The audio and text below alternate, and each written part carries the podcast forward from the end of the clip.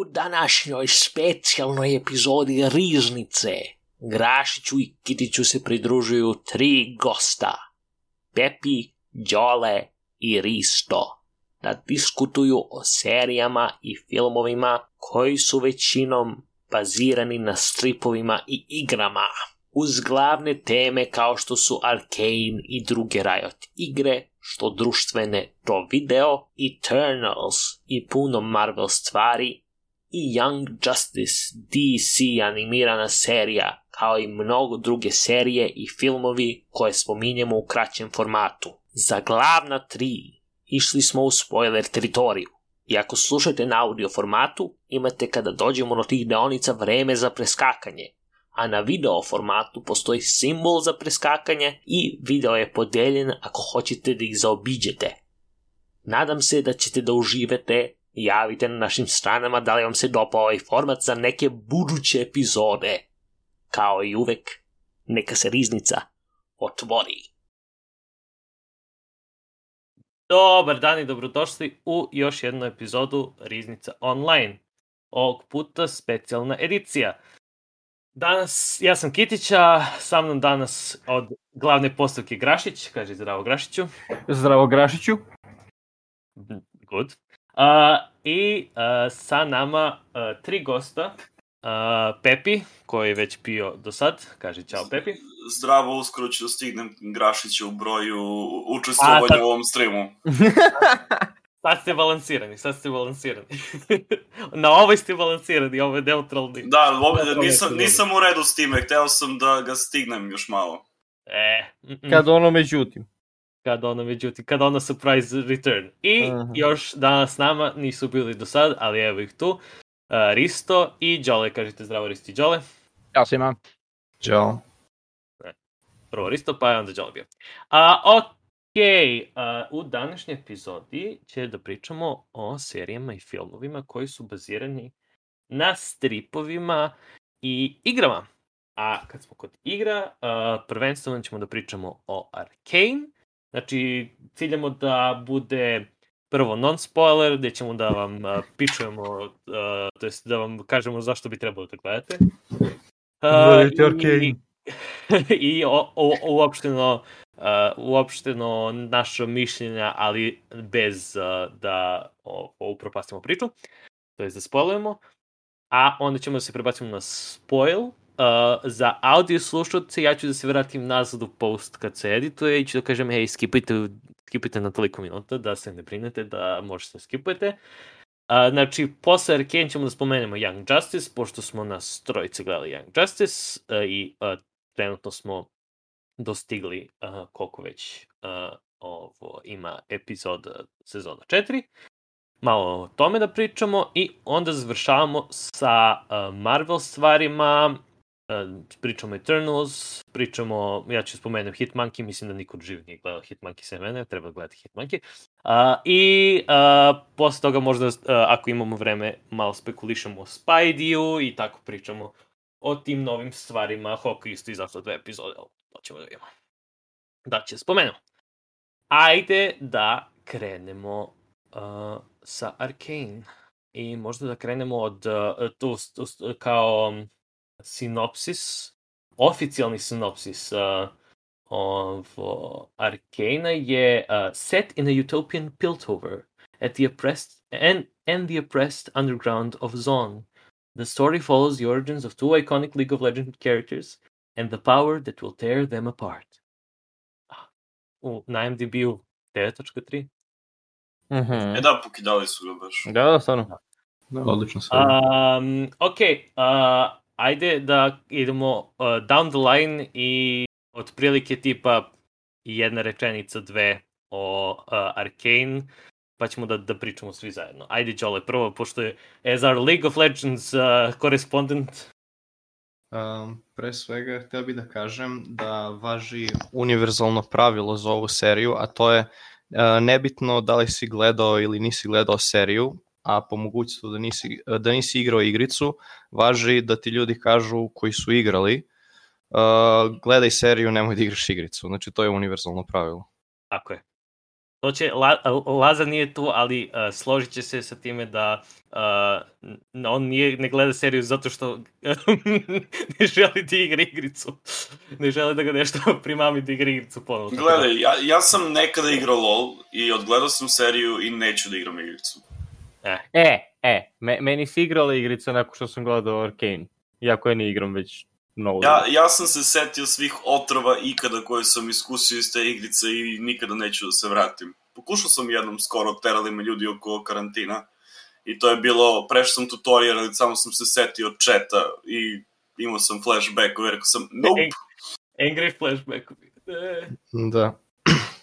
Uh, da, a, dobro, uh, Riki, imaš, nek, imaš neki uh, blagi A ja bih se složio sa, sa momcima, pogotovo ako je Jova neko ko je korespondent za League of Legends, ja sam ono, najdalje moguće od toga, pošto nikad nisam igrao i niti posle serije imam želju da igram, ali im je serija bila stvarno fenomenalna i mogu da kažem kao neko ko zaista nema dodir uopšte s tim, da je da uopšte nije potrebno nikakvo znanje iz igrice da bi se gledala serija. Mislim, verovatno je zanimljivije ljudima koji znaju čempione da ih vide u seriji pa kao, kao wow, super, znaš, on se pojavio. Ali kontam da meni to uopšte nije narušilo ništa. Dakle, čak mi je možda i draže što ne znam i što sam ušao u priču potpuno fresh i ove, iskusio je eto, na neki svoj način.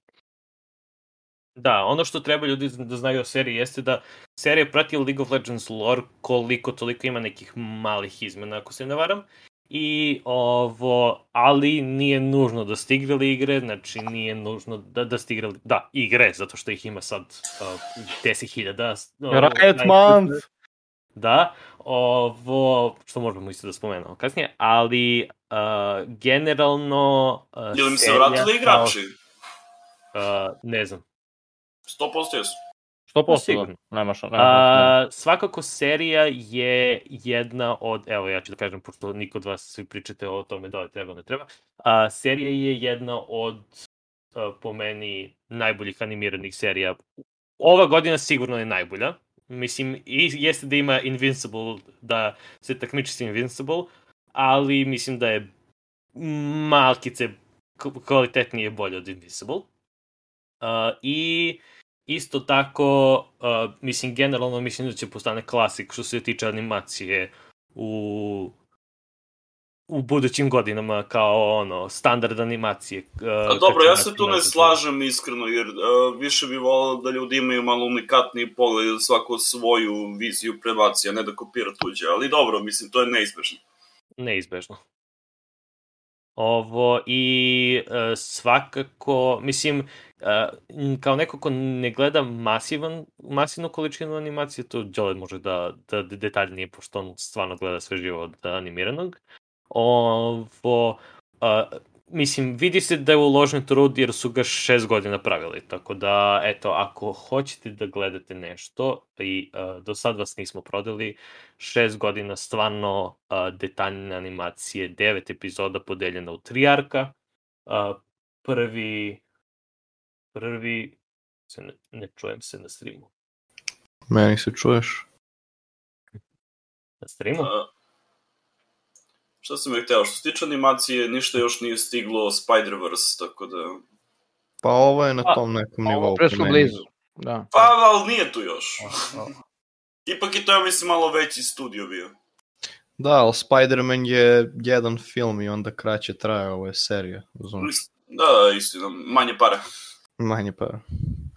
Ali što se tiče animacije, ne, stvarno je... dosta bio jaki ovaj, iz ovu seriju. Koliko god nije, nije Spider-Verse, opet, mislim, ono koliko sam ja čitao, ogroman novac je uložen i mislim, vidim gde je otišao, vidim, u animaciji se to vidi. Mislim Vidi da je, se definitivno, da.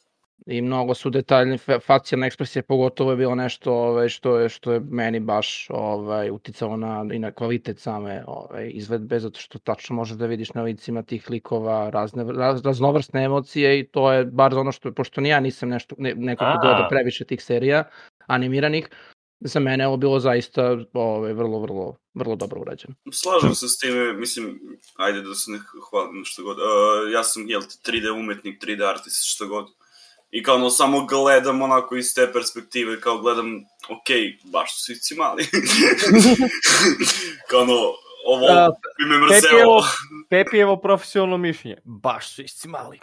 Da, evo, a, treba bi da se čujem sad na streamu za neko je ovo, a, a posle ću da ubacim svoj audio iz Krega, I guess. A, ovo, da, nije mi, OBS mi nije pokupio a, mikrofon. A, dobro, e pa onda niko nije živ čuo šta sam pričao, nema veze, otprilike se čuli šta su drugi ljudi pričali.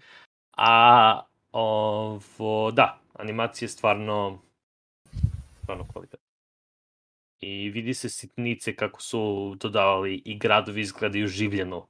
U... Da, i Tako da- art style je nešto što bih Odličan hteo je da kontrast spomenem. između dva grada, to je ono što je meni isto bilo vrlo, vrlo pečatljivo.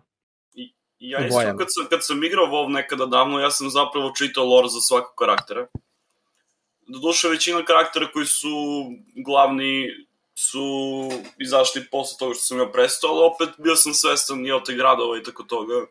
I da, baš su ga preneli i verno. Kao, što kažeš, osjeća se život u svakom momentu. A, da li ima neko nešto da kaže još za ne, ne spoiler deo?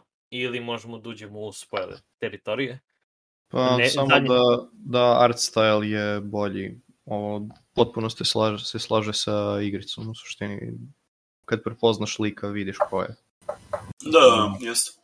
To su prilično dobro uradili. I neki, neki likovi čak izgledaju bolje nego u samoj igrici. Tako da verovatno će što se tiče igrice da naprave remodel na osnovu ove animacije od brojnih likova. Da, I dobro, ono što mi se takođe sviđa je što su uključili uh, veći broj heroja, odnosno čempiona u seriju. Nije Da, samo mo- da se fokusirali na 3-4 lika, nego ima jedno 7-8. Da, Možda možda bi neki stavljeni u pozadnju što je bilo baš cool. Ono, nisu, nije, nije svako ubačen da ima neku bitnu ulogu, nego su se neki pojavljivali u pozadnji, bar ono koliko sam ja posle toga čitao i gledao. Mhm. Ima, ima m, tipa grafita određenih ili a, neki se ne spominju se imenom, ali znaš ko je po, po liku. Mislim, pričat ćemo detaljnije kad uđemo u spoiler teritoriju, ali evo, Da. na primjer, možete da vidite na ekranu, ako gledate na YouTube-u, a, možete da vidite, mislim, poster Arkana, koji već su tu koliko? Šest heroja i dva nova lika koji su bacili. Ali Verova, svakako- I verovatno novi sedmi heroj gore desno. Da, verovatno, to ćemo, pričat ćemo o tome. Ali, je li ima još neko nešto, znači, a, što bi rekao nekom ko nije gledao da bi ga a, usmerio da gleda?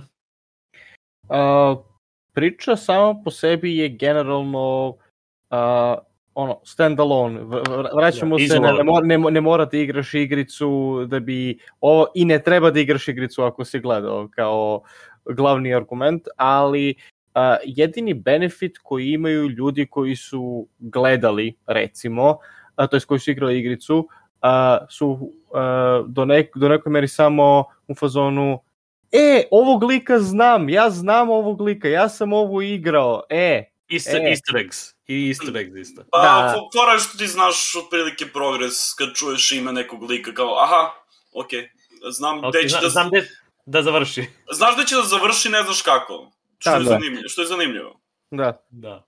A, definitivno i čak je možda bolje da ne znate ništa o igrici, zato što a, onda ne možete da vam se određene stvari budu hm, najverovatnije ovo, tipa ima kasnije reveal jedan koji sam ja bio po sistemu, ok, provalio sam još kad je lik se pojavio, tako da ovo, ali pričat ćemo svakako o tome. Pa da pređemo uskoro, a? Da, ok, ajde Jedna da, stvar, evo samo pre nego što uđemo u taj deo ovaj, spoilera, mislim ono što je meni recimo prodalo seriju, odnosno kad sam ušao u nju šta mi se najviše svidelo character development, pričat ću u- spoiler delu zašto i šta mi se svidelo likovima, ali baš to što je Kitić rekao, ako ne znaš šta se dešava s tim likovima, onda ne znaš ni šta da očekuješ i onda samo možeš da se iznenadiš, a mislim da su za origin story poprilično dobro razvili likove i šta god je trebalo posle da se desi sa njima, ovaj, bilo je dovoljno vremena bar za ove glavne da se sa njima dobro ljudi upoznaju i da, da im skontaju njihove motivacije i Pa čak i pozadinski likovi imaju progres, mislim, kao vidiš tačno otprilike gde su počeli, gde završe na kraju serije. Nema da neko je,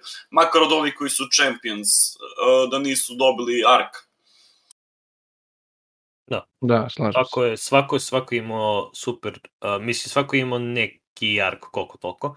Ovo, ali da, i sporeni likovi i Mislim da mnogi mu treba da nauče lekciju iz Arkana je da treba da napravite ark za karaktera kog stavite u seriju, a ne da ostane isti tokom cele Da. jebane Da, serije. da.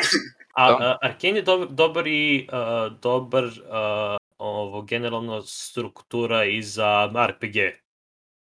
Mislim da mo, može da se inspiracija velika povuče iz RPG i DM-ovi za likove gde, pogotovo o, ark, pošto je podeljen u tri arka po tri epizode, tako da taj, taj ark bukvalno ispada kao levelovanje otprilike, pošto ima time skip između.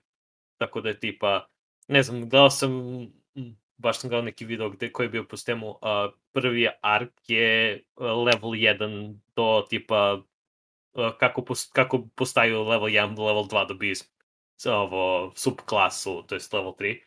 Ovo, I onda posle toga ide nadalje kako su se razvijali. Tipa ako povučemo D&D paralelu. Tako da ima, ima, ima i tog ne, nečega. Um, ok, znači prebacimo se u uh, spoiler teritoriju. Uh, sad ću za one koji gledaju na YouTube-u ima sad jedno velik, jedan veliki znak uzvika, crveni, a ostavit ću par sekundi za mene. Sat i šest minuta. Dobro, nadam se da, da je Nemanja u budućnosti upao u, u tih uh, tri sekunde uh, i da vam kaže samo uh, broj gde treba da skipujete uh, ako ste audio slušalci, a na YouTube će svakako to bude segmentirano ili da gledate znak uzvika gde je. Ok, spoiler teritorija. Go, go, go, go, go, go, go, go. Svi smo gledali, tako da možete da pričate uh, otvoreno, ko nije gledao, uh, neka se, uh, o, zad, zadnja prilika da, da uh, remutuje ili da ako gledate stream, vi, skl, kad sklonimo znak uzvika, pričamo o uh, drugim stvarima. Ok. Uh, odmah ću da krenem sa jednom kontroverznom s kontroverznim take-om, pošto sam video da jeste ovo kontroverzan take, a to je ne sviđa mi se Jinx. Oh. Meni, se, meni je Jinx možda jedan od omiljenih, mi, da, nije baš omiljen, jedan od, mm, ono, ali definitivno u top. Meni se, na primjer, Vaj nije svidelo. Isto. Meni Meni se- barem, Viš, meni se Vaj mega sviđa.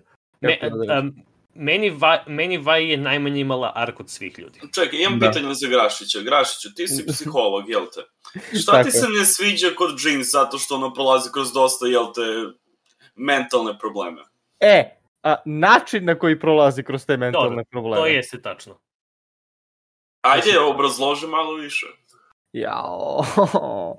ok. A, Slušaj ovo, brate.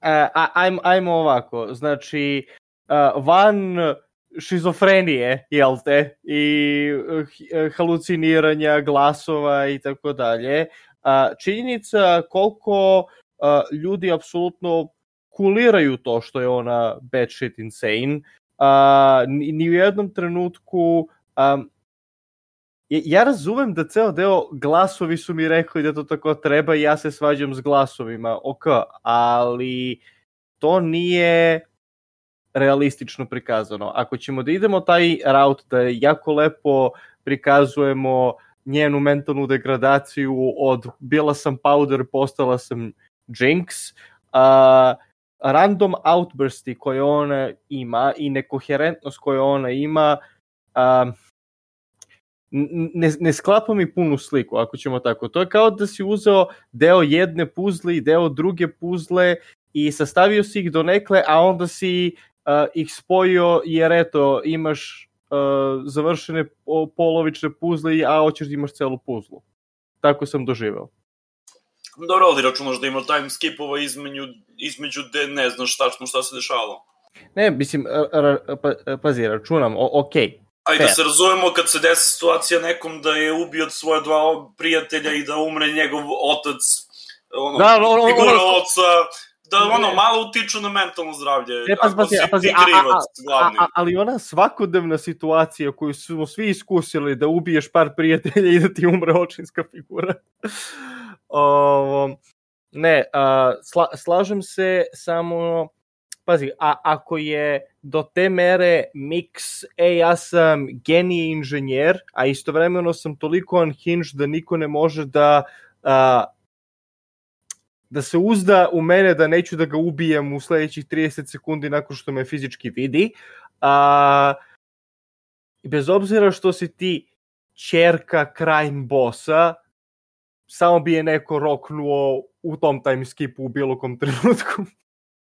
Pa, mi, mislim da je ideja bila da je on da je ona bila uh, zaštićena od silkova. Upravo, ona je Mega zaštićena. mega zaštićena od silkova do mere kad gde je on izgubio uh, da je izgubio kontrolu nad njom. Mislim da je pre, da je pre toga bila koliko toliko korisna sa uh, gadgets da bi mogla da je bila po sistemu ok, A, A ako ju, ako ju ubijem, Silko će da mu ubije, B, ako je ubijem, ću da izgubim pristup uh, gadgetima koje samo ona očigledno pravi, jer ona je bukvalno tech genius.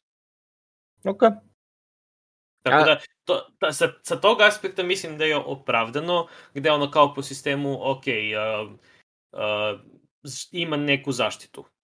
Uh, ali, uh, da, slažem se sa tobom da je malo, uh, jeste da koristi to, um, a on, uh, znači, čuje glasovi, bla, bla, ali koliko god da jeste nekoherentan lik, isto i priča njena ima u nekim momentima nekoherentna, ali ne zato što je, ne zbog insanity, nego prosto je nekoherentna ili radi neke stvari čisto zato što radi neke stvari. Da, da, da bi odjednom da jes.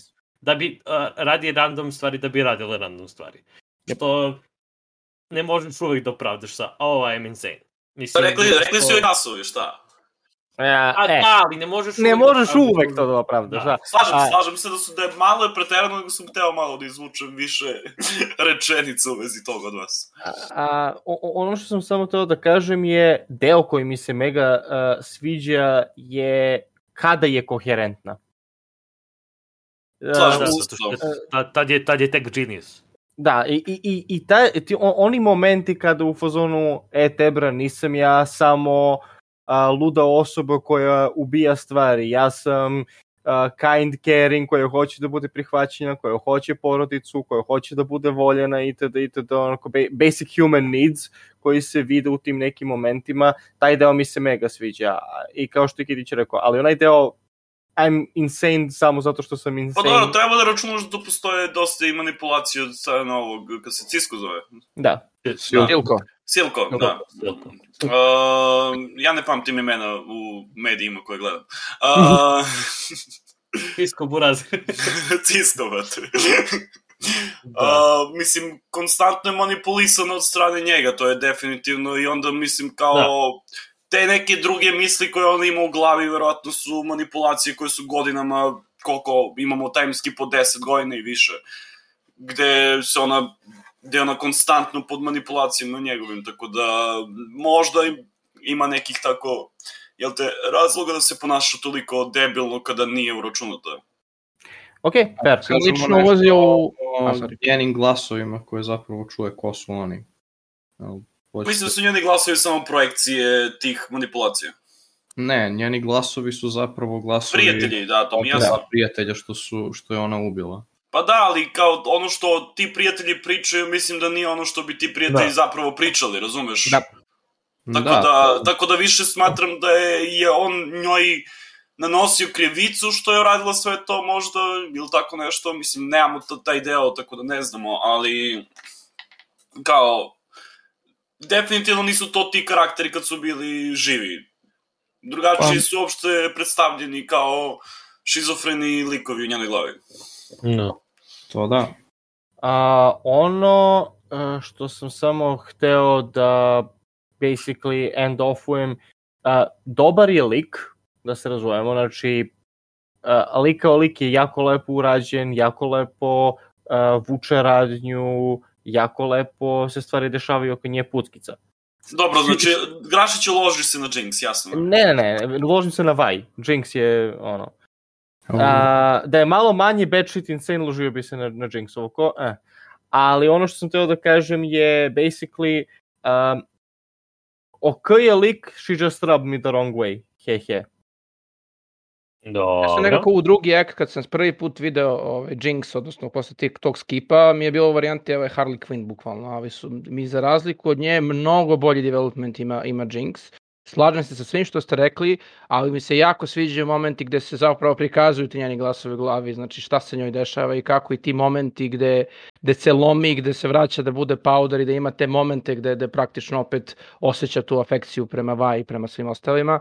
Ovaj, mislim da je strašno mnogo uticao Silko, iako još negde pročitam Silko was a great dad, znači stvarno. On je Šta? za men- Da! bukvalno si ti, meni- na kom delu interneta?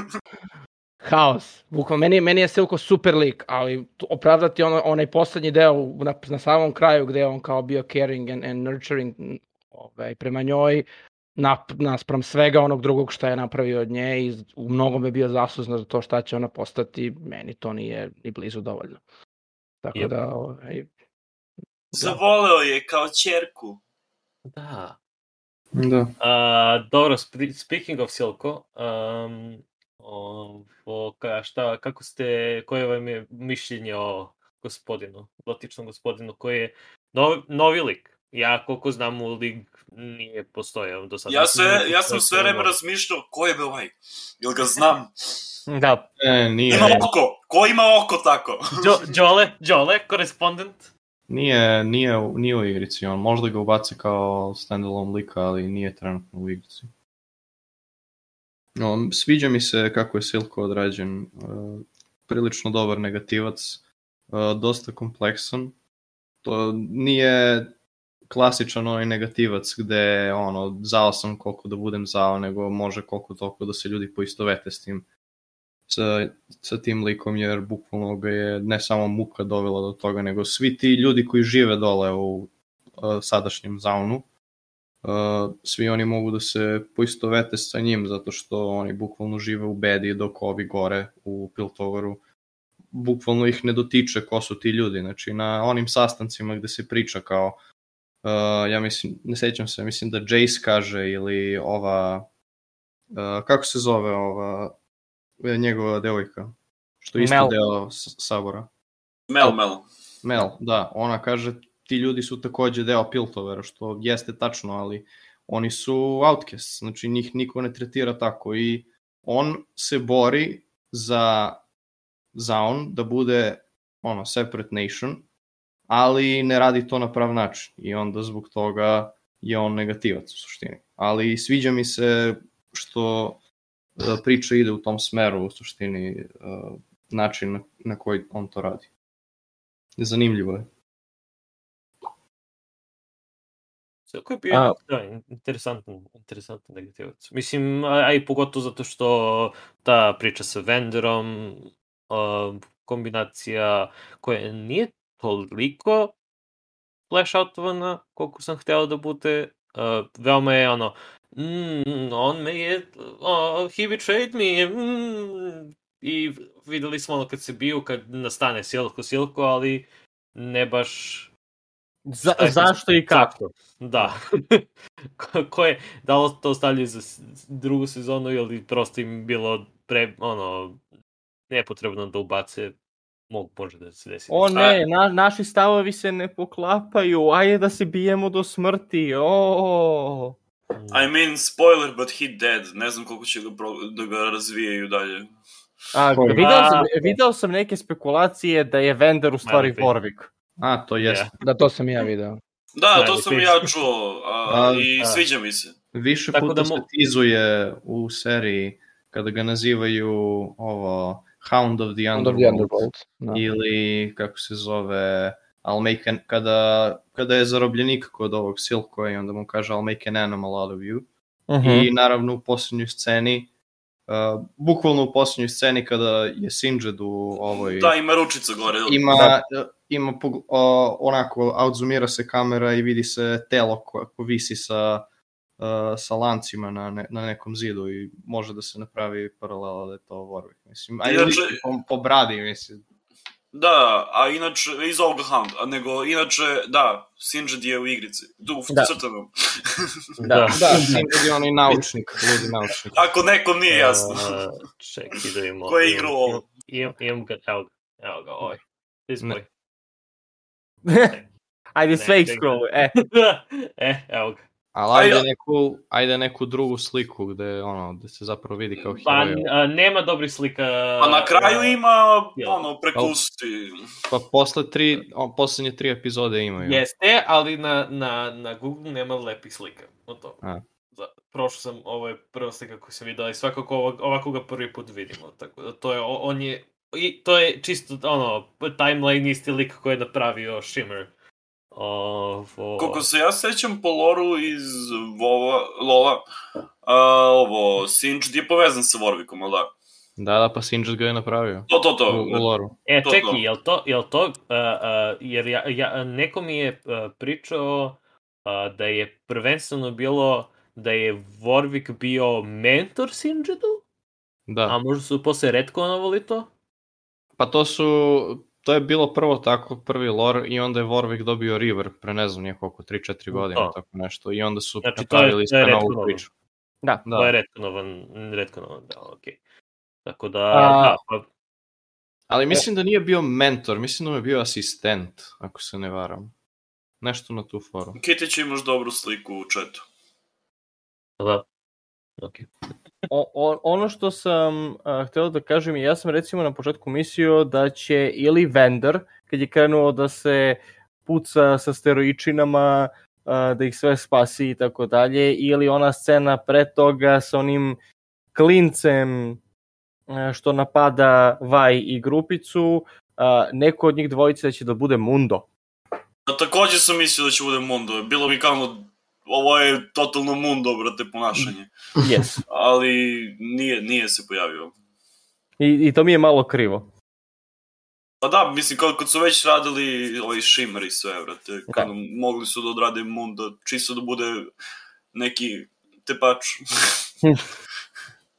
Neki tepač. Pa pazi, dosta likova su već ubacili da su krenuli da ubacuju tako svakog heroja koji je do Pa čempiona dobro, koji je imali bio su, imali su u dosta originalnih likova, tipa oko Silko ljudi i tako to, tako da tu je Pa mnogo... i, i u Piltoveru su imali... Pa to, Mel je novi lik uh, koji Da. je... Uh, Majka od Mel takođe i ona iz Michael Noxusa. Mel, da, ona iz Noxusa, onda on, asistentkinja Viktorova, on je isto lik, to jest Viktorova i... Uh, Misliš Powder? Da, the, the Real Powder. um, ovo, što mi The Real Powder? Um, ovo, tako da, tipa ona, uh, ovi roditelji od Caitlyn isto i to sve, mislim, to su sve likovi koji nisu, da kažemo... Da, oni se samo pominju, tipa lore za Caitlyn je da je ona, njeni roditelji su bili kao stuck up i oni su hteli da ona radi kao profesor, da bude visoko rangirana, a njoj je to bilo dosadno i onda zato je počela, zato je htjela da bude policajac. Da, da, do, da, do četu kaže polako tek treba Ezreal, Oriana, Blitzcrank, Serafin. Da, svi, da, da. da, polako, ima, ima, Piltover ima materijal, uh, Mundo će, do, doći će Mundo, do, doći ćemo do Mundo. Jer, A, e da, a, ono što sam hteo da kažem još na početku, ali jednostavno konverzacija nije došla dotle, je sviđa mi se recimo što nisu uradili fokus na samo jednom ili dva lika, jer obično kad rade ovakvu vrstu serija, fokusiraju se samo na jednog ili dva lika i onako, ajde njihovu priču da razradimo, pa onda se vraćamo unazad, pa onda idemo sledeće likove, pa se vraćamo unazad i te priče se, ono, divergent storytelling, gde se na kraju sklapaju u jedno. Ali sviđa mi se što su uhvatili više od par likova da mogu da se započnu sve te priče adekvatno, da se vide njihovi odnosi, što je možda čak i bitnije, a ne, e, sad ovaj lik je u stvari povezan sa ovim i ovim i ovim tu, tu, tu i tu. Znači, onako, posle tri sezone. Da. nego, da, li je, da li je Jinx napravila pentakill na kraju? Uh, da, apsolutno. A, arguably. Mislim da će teško moći da se izvuku iz toga ako zaista na kraju nije. A- Gledaj, gledaj, Eko manipuliše vreme, da se razumemo. Ne a, još, ne, On nije ni Ne, svestan nije još, toga, ali da. ima, ima kao spekulacija pošto uh, na kraju kada treba raketa da udari, uh, ova Mel nešto na njoj zasvetli i ljudi spekulišu da, Da, je da, to od Zonja da je Zarini. shield neki ili da će da bude nešto tako. Da. Da će ona da bude novi heroj i da je to što je za svetlo, da je, da, ima, da je ona u stvari a, da je prsten neki inhibitor za magiju i da u stvari ona um, da im Tako da da je skinula prsten da je zapravo kao... Da, da posjed, da, da her free. posjeduje, to, to, zato što uh, uh, i vidio sam spekulaciju da je ona u stvari uh, mage, ali da, to jest da ima arcane, uh, in, in, inherit arcane sposobnosti, ali da potencijalno je prsten uh, inhibitor bio da ne mogu da je provale. Ma ne, prsten Chris- je, prsten je item u igrici, zove se Zonja's Ring. I daje ti, Da. kad ga aktiviraš, daje ti invulnerability na jednu i po sekundu. I onda to- verovatno to je će da ga naprave da... Da. Pa u prvoj, uh, pre nego što da. su ubacili sve ove nove iteme u igricu, uh, to se da, zvalo da, znam, znam, znam. Igrao sam. I onda posle toga su ga preimenovali na Zonja's Hourglass. E, pa verovatno... da, Ja da, sam da, mislio da je ovo Locket of the Iron Solari, jer sam negde čitao i gledao tipa da ima veze sa Solarima, sa Leonom kasnije i itd. itd. Pa za to Pa, već ne pa, znam. pa nisam Power of the Sun Guide me. Dobro, ali Zonja's Ring ne izgleda tako u igrici. Pa ne, ali, uh, Ti ne, ne u izgledaš igrici je tako samo. Hourglass sada, ranije je bio Ring obično. A da, ali nije izgledao tako kako njen izgleda. Pa ne znam, ima, možda lo, ima, ima, lo, ima lobanju na sebi, evo sad gledam. Vidjet ćemo, vidjet ćemo, ne želim da spekulišem da će se desiti dalje, jer ja volim da se samo ubacim. I to je Da, oni, da, imaju kostarsku glavu za nje. Same, same. Da. A, ja bi, se- ja, da, e, da, eventualno, a, bukvalno to što kažu potencijalno to, ili će Eko da ih spase. Question mark.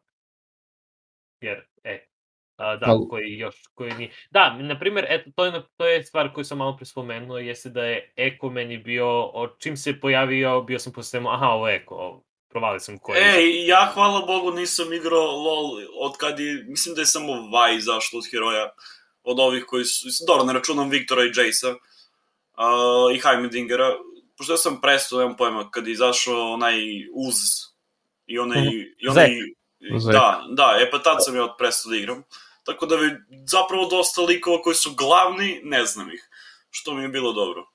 Onda sam bio kao u polu nekom spoileru.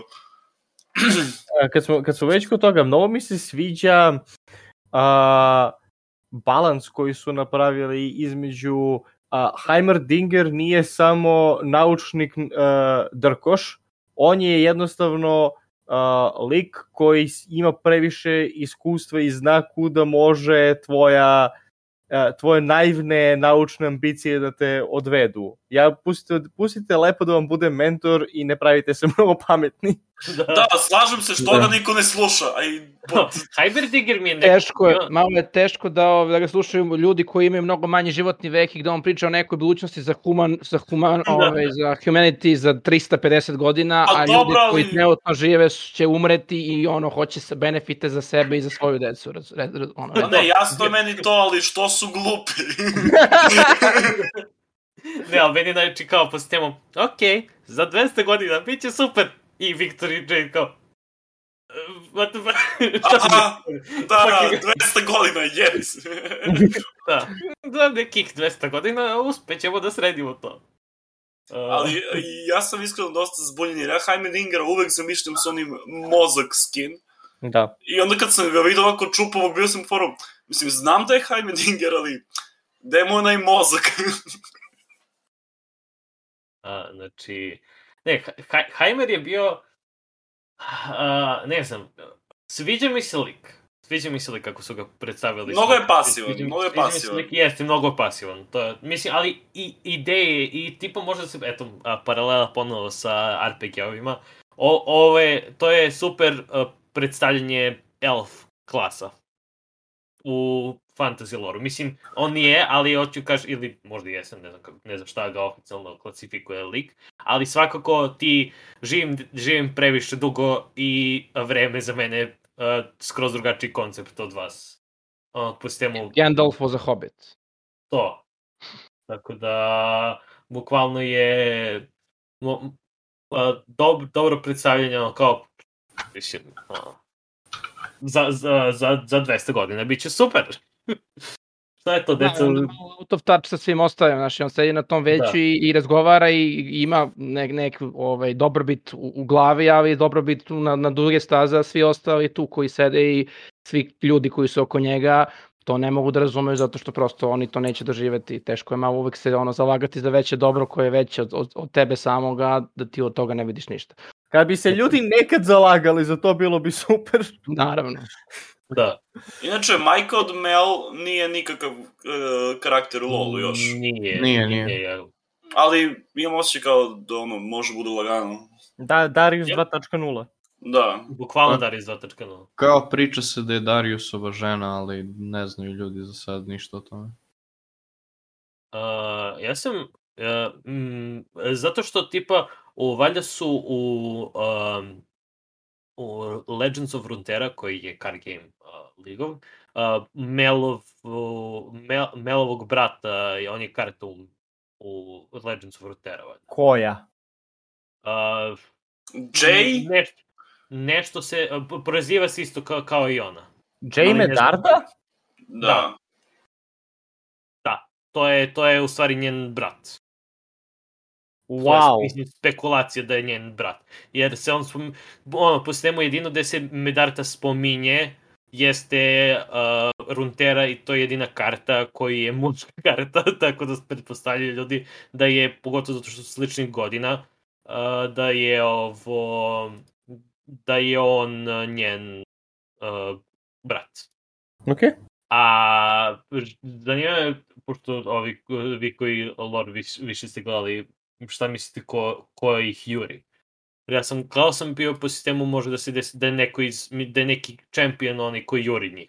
Pa ne, koje je drugo kraljevstvo koje je problem? Pa i Onija se mačuje sa Noxus, takođe i A ja ovo. mislim da ona po, po onom što Shurima? ona, Ne, nije Šurima. Šurima je zasebno, ono, je- to ti je ono peščano kraljevstvo. Znam, znam. Roku možda... A, pa za ono što, ja koliko sam skapirao po onom što ona je rekla, da a, ovo, da i neko juri ko, ko je iz Noxusa. Da je nekog, da je nekog, sje, a, da je brat nekog iznervirao iz Noxusa i da uh, on juri, ubio je brata i juri sad uh, i Mel i majku. Pa možda ovo što kaže Dača Svein. Aha. E, pa Možda je moguće, Svein, da, jer da. Svein je došao na vlast tako što je ono, bio tiranin u suštini i napravio celu pobunu i ubio trenutnog lidera i tako je došao. E, Tako pa postao moguće, ovaj da. Mm, Moguće, znači, eto, uh, spekulacije. Da, jer verovatno druga sezona će da bude, uh, druga sezona definitivno su rekli da će se vrati um, Vi, Jinx i Caitlyn se vraćaju sigurno, to je confirmed, ono, oficijalno su rekli 2022. će da bude druga sezona i će da, bu, će da se vrate njih Ko će da čeka to? Čekaj, A, rekli, Jedno brz period. zasigurno, zasigurno su rekli da će bude 2022. Uh, Ok, da, rekli su, Sveinu su skroz promenili karakter dizajn, a? Da. Ok, dobro, pošto kao znam ime, ali ne liči mi na ono što znam i onda sam ga vidio tek dole.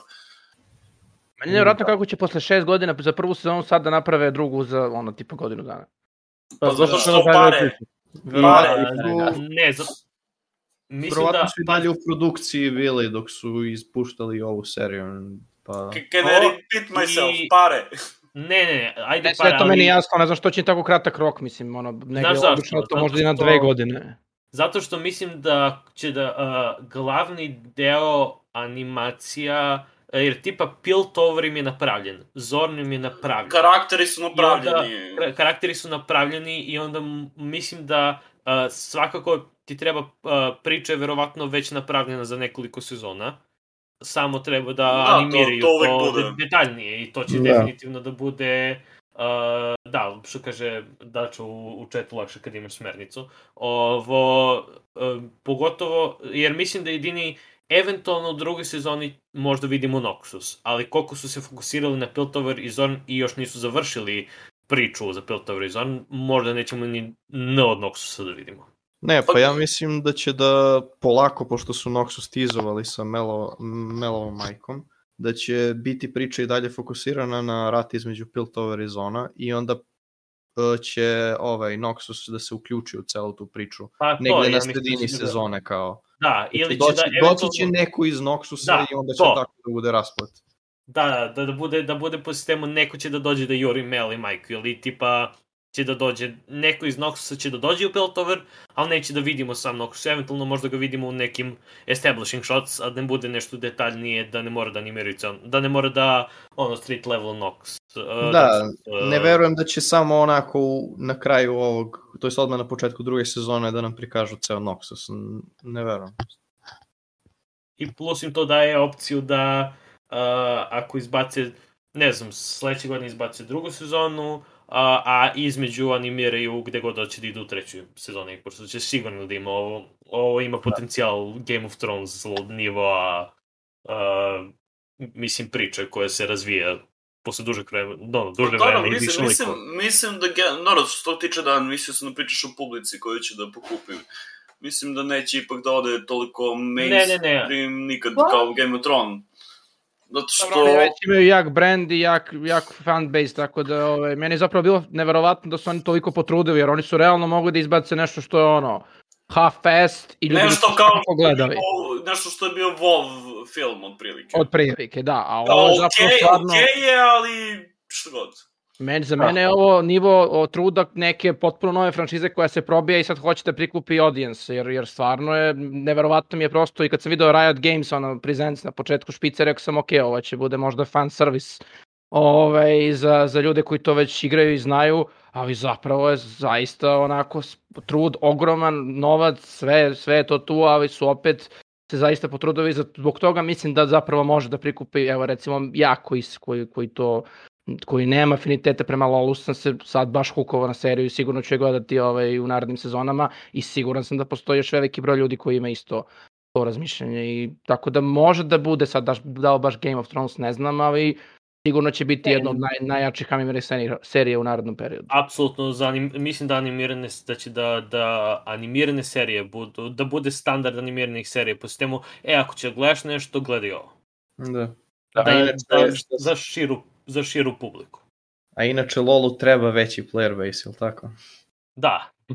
Ali dobro, pozovem što sad uh, uh, zajedno sa svim stvarima ko, uh, koje rade uz ovo, uz Arcane, m, taj player base nije samo League of Legends više. Taj player base sad ima uh, uh, card game, koji je Legends of Frontera, ima Teamfight Tactics, koji je uh, auto chess uh, igrica, ima ovaj, sad Valorant. Rhythm... Uh, dobro, Va- Valorant nije sa tim likovima. Ali, uh, ali Drugi tipa... univerzum je, tako da... Da, drugi, drugi univerzum koji sigurno će isto da animiraju, jer su, uh, koliko sam čuo, š- prave šest serija. Izbacili koje- su neki short sa pesmom, baš skoro Pa, za Valorant. pa, sad će, pa sad će da radi za Valorant isti tretman kao League pro pesme malo i onda će izbace tipa neku veću animaciju, pa će da izbace uh, seriju, jer rade, valjda šest serija sa različitim studijima. Koliko sam Rito, Rito the next Disney, brate. Pa Pa da. bukvalno pokušavaju da naprave, naprave od gaming, od gaming. Da naprave sve. Pa da, pa evo sad šta su, uh, Ruined King je izašao, koji je uh, tactical RPG. Mhm. Uh, ne znam, ne znam da li je neko igrao. Ja sam Ne. nešto malo gledao na Twitchu. Ovo, ali nisam dovoljno da mogu da pričam o... Interes, mislim, mehanika je interesantna bila. Ovo, i izašao onaj Rhythm Game sa Zixom. Evo, A to uh, sam video. Kao, Dača, Dača kaže da je dobar, uh, da je, da je dobar, da trenutno igra i da je dobro ovaj, uh, Ruined King. O, da, ima Zix, onaj, uh, uh, bukvalno su izbacili ri, ritam igricu sa Zixom gde um, ideš on kao side scroller koji kad klikćeš uh, ono, u ritmu određene dugmiće, on ide i eksplodira i pokušava da pre- prelaziš nivoje. Kažu pa da je, kao, mislim- kao Subway Surfer u suštini. Na tu foru. Tako nešto. I isto tako treba da izađe uh, MMO, koji će isto da ih gurne mnogo, koji je isto u League uh, svetu. I treba da izađe ovo... Treba da Project izađe Hell. još... Da, treba da izađe ono još jedan što je kao Diablo. Šta kao Diablo? Pa, ist, uh, ne, nije Ruin King, nego je, ovaj, izlazi nešto što, valjda, što spekuliše da će bude Diablo. Diablo-like. Mislim da je taj Project L, ne znam šta biše Project Ne, A ne, Project L je Project L je fighting. fighting game. Da, i fighting game izbaci, tako da oni pokušavaju sad sve žanrove da uhvate i svaki od tih žanrova, uh, svi ti žanrovi će da se kad tad vrate nazad na Arcane kao, e, uh, sviđaju ti se ovi likovi, vidi ih u Arcane-u, uh, i Da. bukvalno tako, tako da... Dobro, to je smislen potez. To, to Da. svakako treba uraditi. Fe, Definitivno- fenomenalan marketing, fenomenalan. Promocija za, da, za sve ostale stvari koje rade. Vertical, vertical, vertical uh, market, oj, ne, Ja nemam problem s tim da se bilo što promoviše kroz serije filmova, da to ima nekog smisla, a ne da samo bacaš likove i ubacuješ ih čisto da bi nešto promovisao, nego da zapravo im osmisliš kada oni treba da uđu, gde treba da uđu, koja je njihova motivacija da nešto rade i da to sve onda lepo tajnuješ, a ne da samo, jer to, to viđemo u nekim drugim franšizama i to je potpuno besmisleno. Ovo ima smisla. Uh, Beljuar, uh, lik koji ima YouTube kanal, prvenstveno se bavio Vovom, sad se bavi svim i svačime.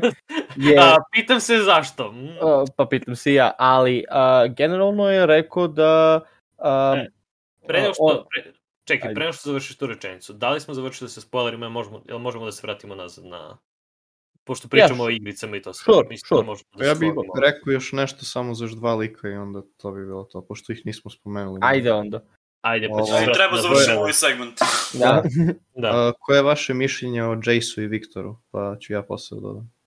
Uh, Viktor mi se mnogo više sviđa nego Jace. Ok, ja razumem da je... Ace je vanilla as fuck. Uh, Da. Je, mnogo je vanila. Da. Da, He wants to do good with science. bukvalno. Mislim, ja, ja sam lik ko, koga je jako lako manipulisati, o ne, zbog uh, devojke sam ja uradio A, B, C, D, F, G, H, super. Ispalio sam Viktora, mog burazera. S kojim radim ceo život i koji mi je pomogao da budem tu gde jesam, odlično. Da, uh, mnogo je, Jace mi nekako bio naj, uh, uh, uh, ono, naj, Daisy guy. najbe, da, ne, da, ali mislim, di, dizajniran je da bude najbasic, Jeste, ali jeste. svakako, svakako Warrior je, klasa u D&D-u. bukvalno, uh, Champion Warrior uh, at its finest, uh, samo što ima, ima magical uh, artifact uh, koji je napravio. Da. Uh, ovo, tako da... Ali um, nekako je baš bio uh, naj, a, a što smo pričali malo pre, Jinx je manipulisano. Ako ćemo da pričamo ko je manipulisan, Jace je najviše manipulisan Da. u ovoj seriji. Ali ja ne On- razumem kako možeš da budeš toliki gen... Dobro, razumem, ljudi nisu, nemaju iste Da. inteligencije svi, ali kako možeš da budeš toliki genije i da toliko ne kontraš da te manipulišu u isto? A visok int, nizak wisdom. Bukvalno. Jasno mi ali glupo je. E, ja sam znači- osoba koja ima visok int, nizak wisdom. Šta hoćeš? ja, znači, uh, Change the ovo, balance, boy! znači, Jace je omiljeni lik bio. Poistovećio se sa Jace-om. Ne znam, Tako. svakako... Svakako Pa Jace mislim je da isto, je isto napravljen kao i po loru i po loru je on bio najdosadniji, baš sam bio iznenađen što su ga uopšte ubacili u... Pa zato seriji. što je pokretač, I guess. Da. Pa da, u, u suštini... Pa, fir- first boy of Piltove. Mislim, da iskreno su stavili Viktora u tu ulogu, bilo bi iskreno mnogo zanimljivije. Da bude on primarni naučnik, a da Jace bude square boy. I, makar je to moje mišljenje. Kao, mada Viktor je ipak sam po sebi onako... ne, Viktor je bolje napravljen od Jace-a, Ne, definitivno. to definitivno. To, Mislim da Viktor super funkcioniše kao sidekick i da mu je zapravo ceo, ceo ark dobro, do, do, dosta mu je pomoglo možda što je kao njegov... Pa ne, novi on je bolji u ulogi sidekicka, ali pored Jace-a kao ono, koji je tako malo blank slate, ne znam, dosadno mi je da gledam Jace-a zato što zapostavljaju Viktora. Da, od, od prilike, to je i ono što sam ja izvukao odatle. Ali, htio sam da kažem, a, ne znam da li, da li kod vas igra lore, ili ti LoL card game. A, im, sad su izbacili Path of Champions kao PvE event i ima ceo deo gde prelaziš sve to sa Jaceom, jer su Jace izbacili kao kartu. Ovo, I ceo taj ark, pošto je PvE event praćen sa stripovima koji opisuju neki deo priče u toj nekoj budućnosti. Uh, mnogo me je iznerviralo kako su to uradili, jer basically a, Viktor koji je glavni to jest biće glavni antagonista jer on koristi da a, svoju tehnologiju, nauku da augmentuje ljude i to se nikome ne sviđa i bla bla bla. A, u tom panelu on ispada, e, ja sam Viktor, ja sam došao sa svojom novom armijom robota da prevladam Piltoverom i a, Jace je napravio Hextech Cannon i puko me je jednom i ja sam odleteo u vazduh kao tim raketa iz Pokemona, mislim, ono, glupo. I kad smo već kod toga, Tim Raketa ima 15 godina. Live with that. Da, ok. Um, čisto da, čisto da doda. Da, a, a, lično, a, Viktor mislim da je bio mnogo interesantniji, mada ima neke a, scene sa a, m- previše imao scena gde se modifikuje sa a, Hextech Biology, to je Chemtech, jel da? To je Chemtech u. Jel da? Ne, to je Hextech. Ovo je, ovo je bukvalno hek, kako on pravi svoj hex score, jer glavni deo Viktora je da on ima hex score koji konstantno upgradeuje i zato dobija nove specijalke tehnike. da, to je ono u njegovom čestu. U suštini ih- on postaje Iron Man. Samo Da. zli Iron Da, Man. da, to, to, to. To, to, mi, to mi je jasno, ali mislim da je tipa u, u sad u Teamfight Tactics on je i, i Chemtech. I ne ubacili su neki Chem, Chemtech fazon. Nema pojma. A, ovo, sad, u novom, novom. Pa dobro, tehnički on koristi Shimmer. Da, pa koristi oba. Da, on koristi Mislim da Shimmer da koraptuje. Arcane u suštini. Da. Ovo, tako da, a, e, bilo je previše scena gde a, njegovo eksperimentisanje nije nigde išlo. Mislim, tipa scene Upravo da ne- to, kao ono, radi, radi nešto, radi nešto i onda šta, noga je i dalje tu, samo je se odvojio. I ovaj Da. kad je, ova kad je umrla, njemu se ništa dodatno nije desilo, na primjer. Da, nije imao nikakve posljedice. Kad je Sky umrla- Random osoba umrla i nestala. Dobro, nije random, kao sve vreme se pokazivalo da se njoj sviđa Viktor ne, ne, ne, ne, ne, pričam, ne pričam sa aspekta kako je to njega pogodilo. Pričam sa aspekta bukvalno je ubio nekog.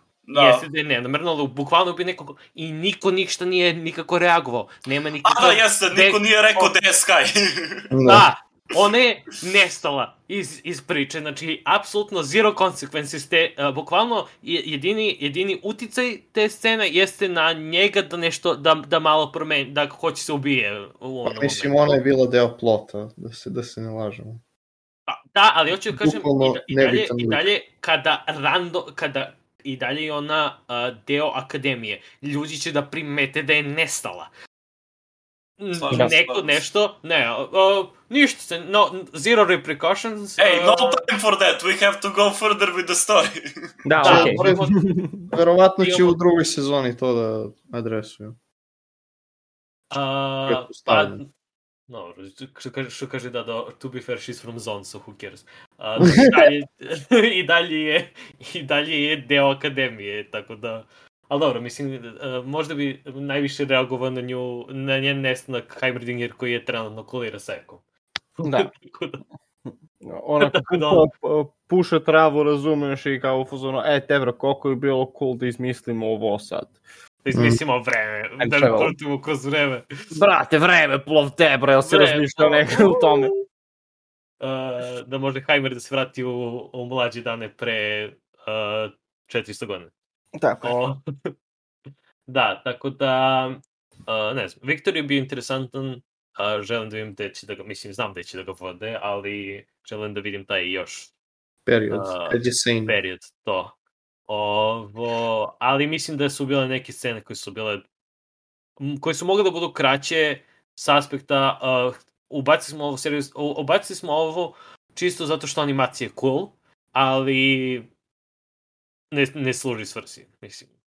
No, no. Mo, mogo je da se, da se skrati, da se doda... Skip. tipa- da. Ja bih recimo jer- volao da sam video više Eka umesto toliko Viktora. Slažem se. Pogotovo s nekih scena, jer evo ja, ja kao neko ko opet ne znam Eka kao čempiona ili bilo šta, Žao mi je to možda jedina ma, malo, mala zamerka koju imam na seriju je to što bih volao da sam njega, da znam da je on u suštini neko ko se priprema za sezonu 2. Ovaj, da Pa nije da, bio pored što su ga pripremili samo i onda Znam, nisu ali ga- recimo ona jedna scena na mostu koja je možda jedna od mojih omiljenih scena iz cele serije kad se kad se sa onim čitavim onim TikTok i kako se ovaj kako se ovaj menja kako se oni menjaju tokom fighta Jinx i on ovaj je bila fenomenalna i samo bih možda malo više volao da vidim ovaj njegov development u ovoj prvoj sezoni, ali kontam da će to da nadomeste u drugoj. Ali možda je to moglo da ide na uštrb možda Viktora ili Jace'a, jer mi svako on recimo bi, bi, bilo bi više zanimljivo da vidim šta se s njim dešava ovaj nego sa njim. Ili, ili eventualno svakako uh, solo scene su mogli malo da smanje za, za više scena da interaguju međusobno. Jer, na primjer, uh, interesantno mi je bilo što Caitlyn i Viktor nisu toliko interagovali uopšte, iako su oboje bili mega bitni Jace-u i konstantno bili jedan, pored Jace-a, ali njih dvoje, ja mislim da a jesu imali uopšte dijalog razgovora između Mm, Jedan- nisu, Sećam se. nisu, ali to je zato što se za Caitlyn, ajde, mogu da razumem, jer fokus, uh, fokusirali su se na Vaj, relationship između Caitlyn i Vi u suštini. Jeste, jasno mi, ali hoću da kažem, ti E, likovi to, tipa, to. za neko, za neko ko je veoma bitan, uh, o, Viktor je veoma bitan Jace-u i establishovano je da je kao, e, on je sad, uh, on je partner duže vreme, radi zajedno i ovo, njih dvoje, uh, Caitlyn i Viktor nemaju nula interakciju imaju. Znači, bukvalno, ne, nemaš uopšte, uh, Caitlyn je tu isključivo da bude Vi sidekick. Ka- kao tre- trebalo bi da, ako ti je neko najbolji drugar, da znaš njegovo društvo, barem ono, da, da umeš da im kažeš ja. A za. Caitlyn Vi relationship, samo qu- quick take, malo mi je forced, recimo, jer oni momenti, mi sad verujemo jednom drugom eksplicitno bez obzira šta se desi i ja tebi u potpunosti verujem za ovo i ja tebi u potpunosti verujem za ovo i ti ćeš mene do a, odvedeš u cigan malu gde ja ne znam nikog i ne znam šta će da mi se desi i ja ću tu da budem lezbejka kortesansa i tako neke stvari onako malo je... Grašiću, imam pitanje za tebe. Jesi se ikada zaljubio? Možda je to ma... šalim, da? Kad se zaljubiš, mozak ne funkcioniše najbolje. Pa I radit ćeš gluposti i pratit ćeš osobu gde god da ide. Poznato mi je to jer sam vodio razne ljude na hajkove koji, za koje nisu bili spremni. Tako da možda ono, naš, nije baš razmišljala racionalno u tim momentima, jer je samo htjela je- da bude sa njom. Meni pa je si- Caitlyn deo od, ovaj, kako se ona odnosi prema Vaj ima smisla. Meni kako Vaj njoj veruje, pogotovo po, ko, To, kroz to, što je ona pošla ovaj, malo neopravdano. Znaš, kao ti sad se za nju žrtvuješ i radiš sve te stvari, a znaš je koliko, ono, tri dana. Mislim, ne znam koliko je, koliko je to span, koliko se oni znaju. Ali, da, bukvalno je to. Mislim da, mislim da, mislim da je... Jeste ubrzano, to se slažem. Uh, mislim da, ali uh, meni se, na pri- meni je to, na primjer, justifiovano s aspekta uh, Caitlyn, uh, Vi je jedini razlog zašto Caitlyn može da uradi ono što je uvek htela da radi.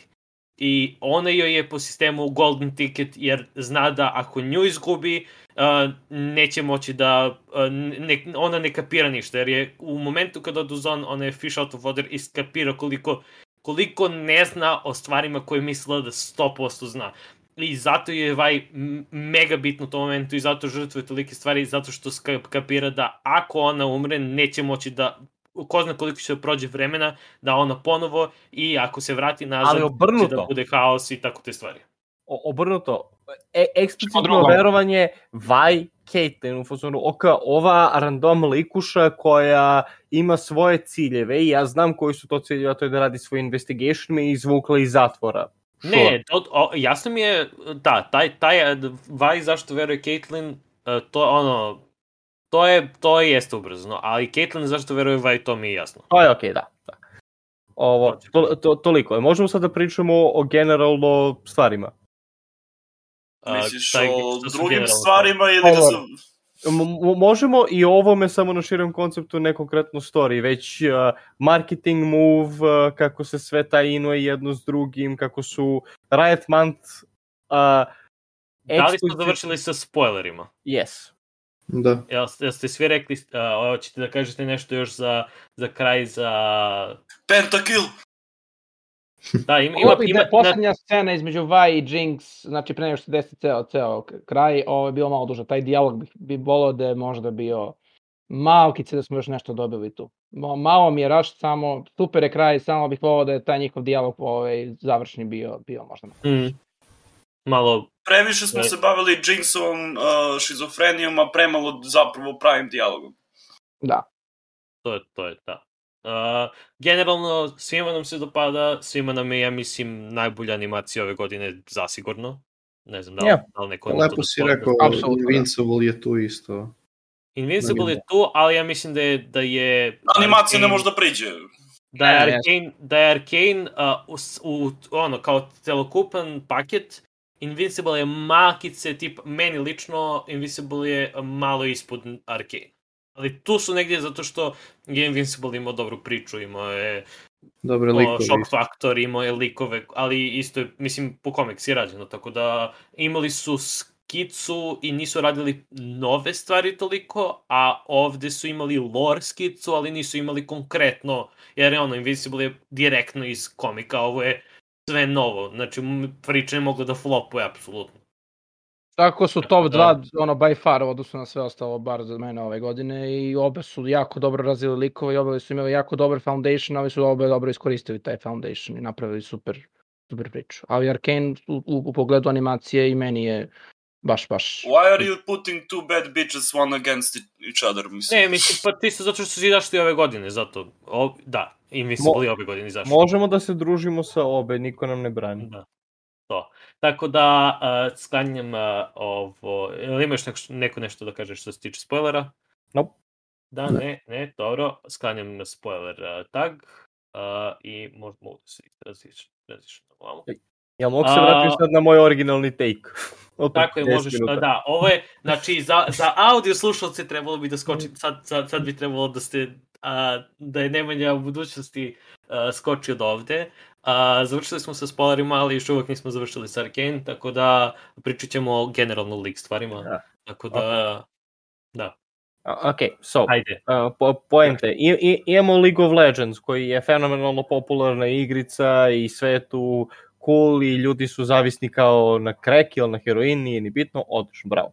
E, ali ne vole previše ljudi da igra League. I onda, boom, Arcane koji uh, iskoristi, ja, ja recimo League volim zbog uh, specifičnih karaktera, volim taj blago kartuniš art style, volim uh, njihove interakcije, specijalke i tako da nije previše ozbiljno, nije previše casual, taman je tu negde. I onda ako vas zanimaju lepi i interesantni likovi, bez da se bavite LOL-om, što nikome ne preporučujem, a, i gledaš Arcane.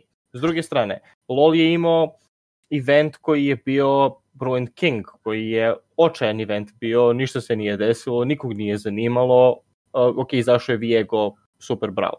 E, a, i sada, pored toga, onda imaju neku strategijicu, Telltale, mešavinu više žanrova a, u The Ruined King igrici, koja je standalone igrica, koja tajinuje opet u priču Lola sa već poznatim likovima koji se do sada nisu pojavili i generalno su sporedniji likovi koji ne bi toliko videli spotlight ovde vide. I onda ima uh, fighting game koji su krenuli da prave i RPG koji će hteti da prave i, po, i polako I MMO. i- da, i, i MMO polako uzimaju i hvataju uh, sve žanrove igara za ljude koji su zainteresovani da igraju igrice. A ako nisi zainteresovan da igraš igrice, onda gledaš Arcane. I Pa to je onda to. budeš Da. zainteresovan. E, pa onda budeš zainteresovan, da. Da. Ali, E, e, definitivno sa, sa aspekta marketinga su uh, zauzeli baš ce- centar. Top spot. Yes. A, je, jedino, čak i za one ljude koji su u fazonu "Pff, ja sam uh, snob, uh, to je samo animacija, ja ne gledam animacije, ja gledam samo kultne filmove uh, koji niko ni, ni, nijedan nije izašao posle 1950. godine i samo crno-belo je pravi medium. I onda, na, i onda, Samo napra, Citizen Kane. i onda naprave Cowboy Bebopa koja je parodija originalnog. Ne. Please, no. A, ali da, znao!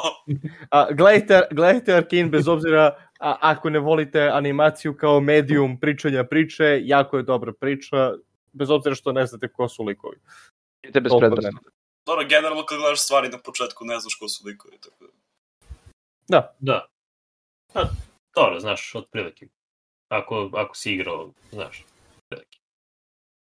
A pojenta je da A, nećeš a- gubiti ništa iako ne znaš, znaš. Yep. Neće Da. ti narušiti iskustvo ni u kom, ni u kom smislu. Da. Ovo, dobro što se tiče ovo, da ima još neko nešto da kaže što se tiče Kane-a ili da se prebacimo e, ja, ja mislim da je ovo bilo good enough. Takmiče se samo- Squid Game i prvi su svuda sem u zapadnoj Evropi i delu Severne Amerike. Da, ne, mislim svakako Arkane, ja mislim da će da bude, kad se, kad se vraća ljudi nazad, da 2021. će da bude na top svih lista i generalno kao serija, jer ja, a, a, ova godina je bila baš kvalitetna i za animaciju i za serije, što se tiče novih stvari, tako da meni tipa kao serija, ako gledam svi, sve serije i igrane i sve to, mislim da mi nije top, top najbolje, ali veoma blizu, ako nije u top 3 sigurno. Ali uh, kao animacija definitivno. Ja što zaboravio da po- pomenemo soundtrack je bio isto meni Pa da, uf, da, da, da. da. Ja, Da, random ja, Sting, ja. nisam očekivao random Stinga. Da, da, da, da. sam- Bio sam pleasantly surprised, ali Da, nisam očekivao da će. Sting da bude... Ja, e, kreće, kreće muzika u finalu i bio sam postavljamo, wait a minute, is that Sting? ali da, definitivno slažem se. Jedino što uh, možda nisu morali da ubaci Imagine Dragons da ih ubace u, u samu seriju, malo... Da, je e, da, to, to je bilo malo... Mislim, dobro su ih ubacili, u smislu anima, animirali su ih i neki su ih prilagodili ovaj, u, zaunu, ali opet nije baš moralo. Mislim da je bilo dovoljno samo pesma kao pesma po sebi. Tako da, Da. ali dobra tematska muzika, atmosfera, sve i, i u tom aspektu dosta doprinosi ono generalnom ovaj, poimanju cele serije. Uh, da, i mislim da je zajedno sa, zajedno sa generalno League muzikom, uh, mislim, imaju kvalitetne i, i imaju, imaju kvalitetnu muziku svakako za sve Da. žanrove i ovo i plus je dobar soundtrack iz RPG ako vodite u, u tom svetu ili ako igrate društvene igre koje sam, ja sam skoro zaboravio da Ligi ima društvene igre, ali da ima, eto, da malo a, tajnujemo sa a, ov, o, generalnom tematikom riznice. Um, ovo, ako vas zanima, eto, što smo pričali, što je da, Gašić pričao žanrove, ima i, i uh, ušli su i svet društvenih igri. Ako se varam, mislim da su u nekom momentu rekli da će prave tipa sistem za RPG, ali ne mo, nisam mogu da nađem, uh, da nađem to. Zato E, to već zvuči glupo. Ukucaš, ka, u momentu kada ukucaš RPG, ili tabletop RPG, on, on ti izbaci, uh, misliš MMO ko će ti izbaci, uh, misliš uh, Ruined King koji izašao sad i onda SEO za to je užasan, ali da, evo, uh, o, o, ima jedna igrica, koja, uh, jedna, društv, jedna društvena igra koja je izašla 2016. ako se ne varam, koja se zove Max and Minions, koji je kao... Max versus eto, Minions. Ima, uh, Max vs. Minions, da. Uh, i To je ono ona igraš je- lane-ove, jel da? Uh, pa nije, uh, nije lane-ove da igraš, igraš uh, kao... Uh, im, ima definitivno minijaturi na poljima je, ali mislim da nije, nisu kao lane-ovi, nego je više uh, kao taktički RPG. Uh, tipa imaš Heimerdingera, imaš uh, Zixa, imaš uh, ovu, kako se zove, sa džinovskim uh, topom. I Korkija. A, mislim- Tristanu? Tristano, da. Tristana, Ziggs, Korki i uh, Heimredinger i onda oni su čempioni i onda se bijete protiv međusobno, mislim da je uh, versus game. Uh, da, to je I ono je relativno visoko rejtovano u stvari. Ja na, na Board Game Geek sam bio tipa 8 od 10 ili tako nešto, a sve preko 8 na Board Game Geek je veoma ono, ce, cenjeno, da kažemo.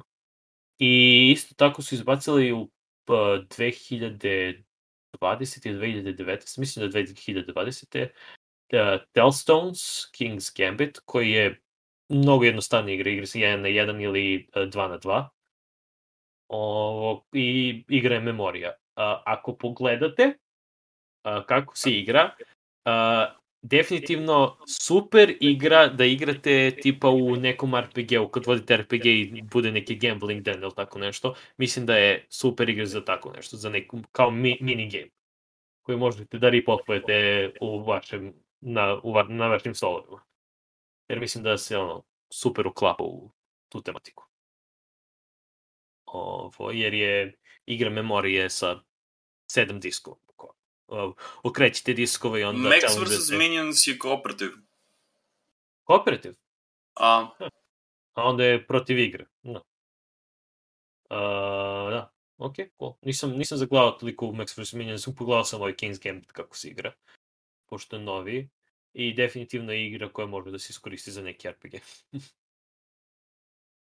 Dobro, uh, to je što se tiče League of Legends, uh, Arcane i uh, ostalih uh, fran, uh, Rito, uh, Rito. Legends, Rito uh, ovih uh, uh, kao frančize.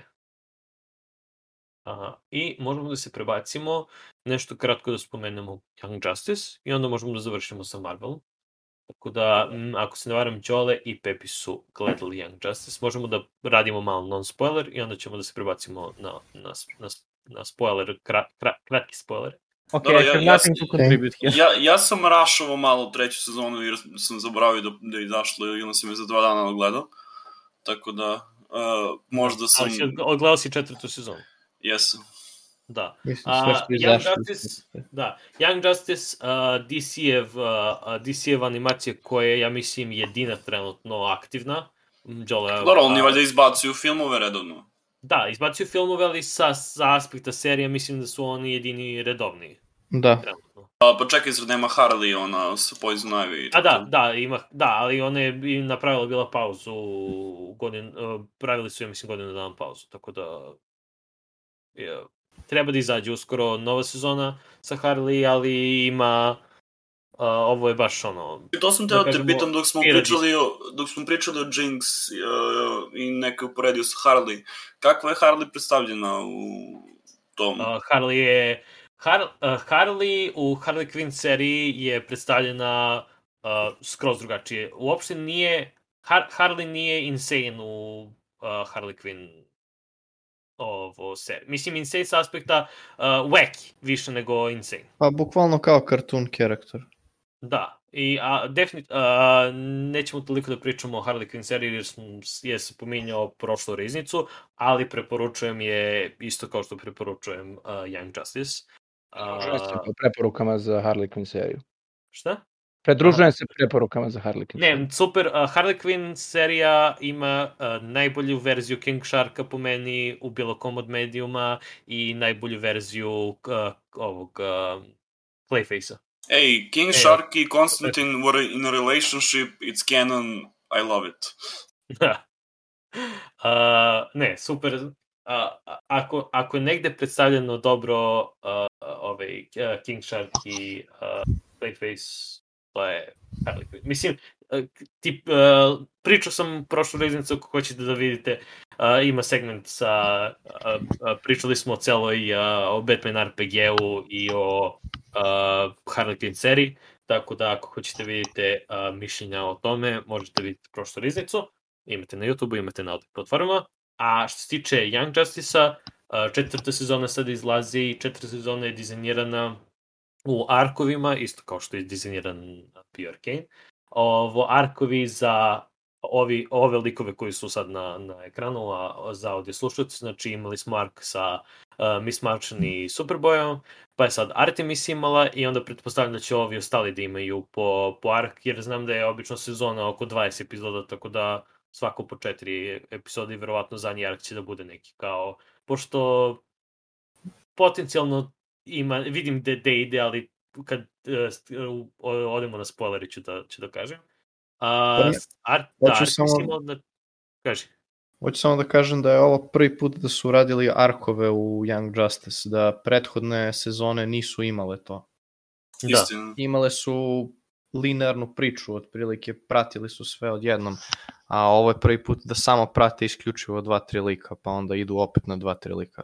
I ne znam koliko mi se sviđa. Mm, da, ni meni se ne sviđa. Meni se više malo sviđa ovo ranije, jer sad je nekako ima nepotrebne delove dosta. Da. Mm, za- a, drž, pre, previše se drže na, na nekim scenama, ali ovo, svakako Young Justice je jedna od boljih uh, animacija generalno. Uh, Znači da i kažemo imaju- nešto generalno o seriji, o može. likovima, ko su... Izvolite. Pa ne, mislim, čisto da kažemo ko su likovi koji se pojavljuju u seriji, ko su glavni likovi, to. Uh, da, uh, Sidekicku of Big Heroes. Svako Pa, ima otprilike svog. I pojavljaju da. se neki koji su kao mladi ljudi u DC univerzumu. To novi, je, to je novi dru, heroji. druga, druga generacija DC heroja, uh, ovo, znači gde uh, Justice League, uh, ono, da kažemo, prva generacija pod znacima navoda, uh, mada i to je questionable koliko je to prva, ali ovo, da, ako bi rekli da je, ako je to prva, onda je uh, ovo, Young Justice League, to jest young, o, ljudi u Young Justice koji se pojavljuju, to je uh, Psychics ili ovo, ljudi mlađi heroji. Pojavljuju se i Justice League se pojavljuje u seriji, ali nije fokus na njima. Mislim, fokus je primarno Da, oni na- su background characters u suštini. Da. Primarno je uh, Young Justice, uh, ovo, likovi iz Young Justice i to su, mislim, eto, u trenutnoj, uh, u trenutnoj sezoni su Miss Martian, uh, Superboy, Artemis, uh, Aqua Led koji je sad Aquaman, Da. uh, Zaitana, uh, Nightwing i ne znam ko je ova o, na posteru zajedno. Nis, ja, ja ne, ne znam da li... A na- ona se, ona se tek pojavlja u trećoj sezoni, zaboravio sam ime, nije mnogo nije mnogo dobila character development. Ko? to, to. Pa ova Za- što Halo. da leti. Halo. Ali ovo nije Halo. Ne, nije, nije Halo. A nije Halo, ja, ja sam Ovo ovo nije- zbunjen ko je taj lik. Ja ne znam da, ne znam da li su, ja, ja se ne sećam da su, mislim, gledao, sam i treću sezonu, ali se ne sećam lika. Tako To je da, ona ali što imaće- radi što radi sa Wasp, ako ako se dobro sećam. Aha, Uh, misliš sa Možda. Bumblebee? Pošto Wasp Da. je iz Marvela. A, pa ona što može da ono Se smanjuje. se smanjuje, da. Smanjuje. Da, Okej. A, Jer bila je u toj epizodi kao nije Pa, nikakav mislim- spoiler da joj mislim- pomaže da se porodi dete. Da, mislim, Da, čudno, da. čudno mi je što i uopšte, ono, među glavnima. Ali ajde, možda nam Dobro, iznenadi. pa imaće, da, imaće neki ark, verovatno. A, mislim da potencijalno znam zašto će ima ark, a to ćemo sad kad, kad budu spoileri. A, ovo, ali svakako, ako vas zanima DC, a, ili ako ste zainteresovani za DC, ok je mesto da se upadne u frančizu, jer ima stvarno vidite, upoznate puno likova, dobiju puno character development, prolazi kroz različite stvari i stvarno je četiri sezone koje su kvalitetno i napravljene i ima materijale i možda se relativno brzo odgledaju jer je epizoda po koliko? 20 do 30 minuta. 20 znam, minuta da, i fast paced je dosta. Ja mislim, mislim koliko se sećam, iskreno nisam rewatchovao, ali pošto su baš davno izašle prve dve sezone, pa je posle community rekao hoćemo još. Uh, nekako mi se mislim da mi, imam bolje sećanje prve dve sezone. Kao da su bile bolje možda. Pa po meni najbolja je prva sezona, pa onda treća, pa druga i sad za četvrtu neću ništa dok ne gledam celu. Mislim da, Pa je da, druga da, još je- najslabija. Da. Ne sećam se tačno. Mislim, A, u prvo, mislim u da- prvo i... Dobro, to je spoiler, neću pričam. Da, mislim da je druga sezona bila malo kraća zato što su i bio taj štrajk uh, Pa imali su budget neki, pa su budget restraints imali neke zbog štrajkova i nemam pojma što se desilo, to, to je bio haos i onda su cancelovali seriju. Uh, I onda je napravljena pauza beš od... Je to bilo u periodu kad su voice aktori imali štrajkove? Ne voice actori, nego kad su imali writers... writers Aha, strike, ono, Writers Guild. ono kad je, a, mislim, da je, mislim da je to bilo u isto vreme kad je i serije kao što su Heroes i tako te stvari propale. To je tipa 2013. 14. tako nešto. I onda je bila pauza i onda su nastavili sa A, da, tako da treća sezona ima isto interesantna, ali u trećoj sezoni tipa ubace baš puno novih likova. Da, treća sezona je onako karakter reset, se kao duplo neki- neki- poveća. I Da, ja sam bio mnogo zbunjen, zato što kao ono, ko su svi ovi ljudi? Da. Ima, ima, puno, ima puno dodatka i puno uh, ovo, ne, fo, ne, ne fokusiraju se na neke likove Uopšte. u, u prvim sezonama, jer su ono po sistemu, oni su sad ono, prešli su u Justice League ili prešli su da, da, da rade nešto i onda i oni postaju side karakteri i fokusiramo se na sve mlađi i mlađi. Mislim ono, bukvalno... Pa da, ide se polako, polako u novu generaciju da se prati. Pa da, ide ja mislim da će ova-. Da, da će ova četiri sezona da bude transition za sve ove likove da budu bukvalno skroz. Ako bude peta sezona, oni će da budu skroz side karakteri i će da bude fokus više na, ja na mislim. mlađe. Da, da im je ovo send-off. Zato imaju svako njih po ark. Uh, ajmo da se prebacimo na spoilere. Na kratko, pa ćemo da ovo, znači, uh, stavit ću Nemanji uh, ovo u budućnosti uh, par, par ovo, Sat 36 minuta. Ok, dobro, ostavio sam. A, sad ćemo da ostavimo spoilere, transition, za, na YouTube i na Twitch će da vidite. A, znak, kada se skloni znak, sklonili smo, završili smo sa spoilerima. A, what the fuck, uh, Superboy? znači, uh, super, Da, na neki died, yes. Da, sad Superboy umre i onda sledeća, sezo, sledeća epizoda, hajde da sledeći četiri epizoda ne sp- spomenemo ih dva, put, dva puta uh, ovu priču. Masivan cliffhanger. Da, bukvalno taj, taj transition završi ga na Uh, tako arkovi nečem. su im loši. Ne sviđa mi se kako su arkove napravili uopšte. Jer nije bitno šta se desilo u prethodnom. Bukvalno je počelo da. toliko dobro, napravili su priču kao uh, idemo da vidimo da se njih dvoje uzmu na Marsu i bio sam u fazonu zašto ja da gledam, zašto ovo da me interesuje. Onda su počeli nešto vrlo interesantno o tom celom ratu na Marsu koji se dešava i taj ceo rasplet i stvarno je bilo dobro odrađeno i onda su radili to na kraju gde Superboy umre i posle toga odjednom dolazi Artemisin Ark i onako Da. Zašto? Mislim da će- Zašto me mislim ovo da- interesuje? Ne interesuje Da. me. Mislim da će da rade time stuff. Prilično sam siguran da je, da je ne, nešto... Misliš da će rade sva, svaču epizodu i onda će samo da nastave sve u isto vreme?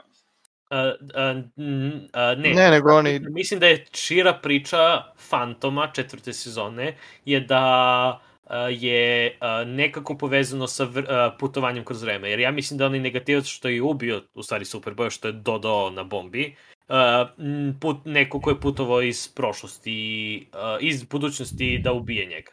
Da. Jer onaj Pa, tim, njih sigurno troje nije koji mrtav. Idu, da, njih troje koji idu, uh, ovo, su iz budućnosti Da. ono, Miss Jupiter i, ne, Miss Saturn i oni, stali likovi. Iskreno nisam im zapamtio imena, pojavili su samo Nisam dva, tri puta. Me, meni je ostalo samo u memoriji zato što je neka od planeta, tako da ili Jupiter ili Saturn, Miss Jupiter ili A Saturn. jel ima neki lore za njih, inače, A, ko su oni? nisam, nisam ni, a, a, ne znam toliko njima, E, bacio sam pogled, mislim da, sam, da su, nisam siguran da li su samo likovi za Young Justice, ali ne znam u komiks da li ima, da li ima njima, verovatno ima. Jer o, redko kad se pojavi neko novi. I meni je interesantno što će Zatana da ima svoj ark. Po, Da, Zatana nije originalno deo Young Justice-a. Pa Tek, dobro, ali dosta tek u- interesantan lik. da, Da, da, jeste. Tek ona se pojavljuje tek u drugoj polovini prve sezone i tek tad postaje sastavni pa deo mislim da, će Young da, mislim da Justice-a. će da ima bukvalno ono sa, sa ocem. Pa da, nešto će se desi da ili, će da Ili- pokuša da spase oca ili, ili ne znam, ili će da ili, masteruje ili, film. da. Ili će- možda im treba ex machina pa i, ipak stavljaju da ima smisla, ne samo da odrade jedan put. Da. Um, potencijalno će da bude možda i kombinacija arka uh, njeni Nightwingov, možda rade nešto, možda pokušavaju, da, da, da njih dvoje zajedno pokušavaju nešto da, da rade. Šta, da ide A. protiv Light nešto? Pa moguće. Ovo, i uh, mislim, barem će da Kaldoru daju ark, jer u trećoj zoni ništa nije radio. Da, pa Bukvalno on je- je bukvalno bio a, glavni u prvoj sezoni, pa onda kao negativac pod navodnicima u drugoj, pa su onda se ustanovilo da je bio double agent i da, u treći što kažeš nije se pojavljivao skoro uopšte, bio je Treć, u Kao treći neki- bio...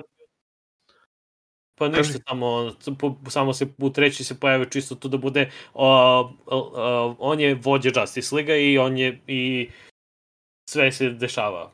da, Ali, više se dešava njemu, on je tu kao mega, mega sporedan lik.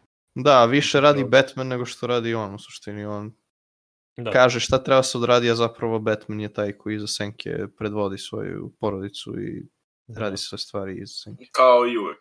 Da, To. mislim, logično. Batman being Batman, yes. A, ne, prvih četiri epizoda su bile baš dobre. Da. A, Artemis Ark je okej.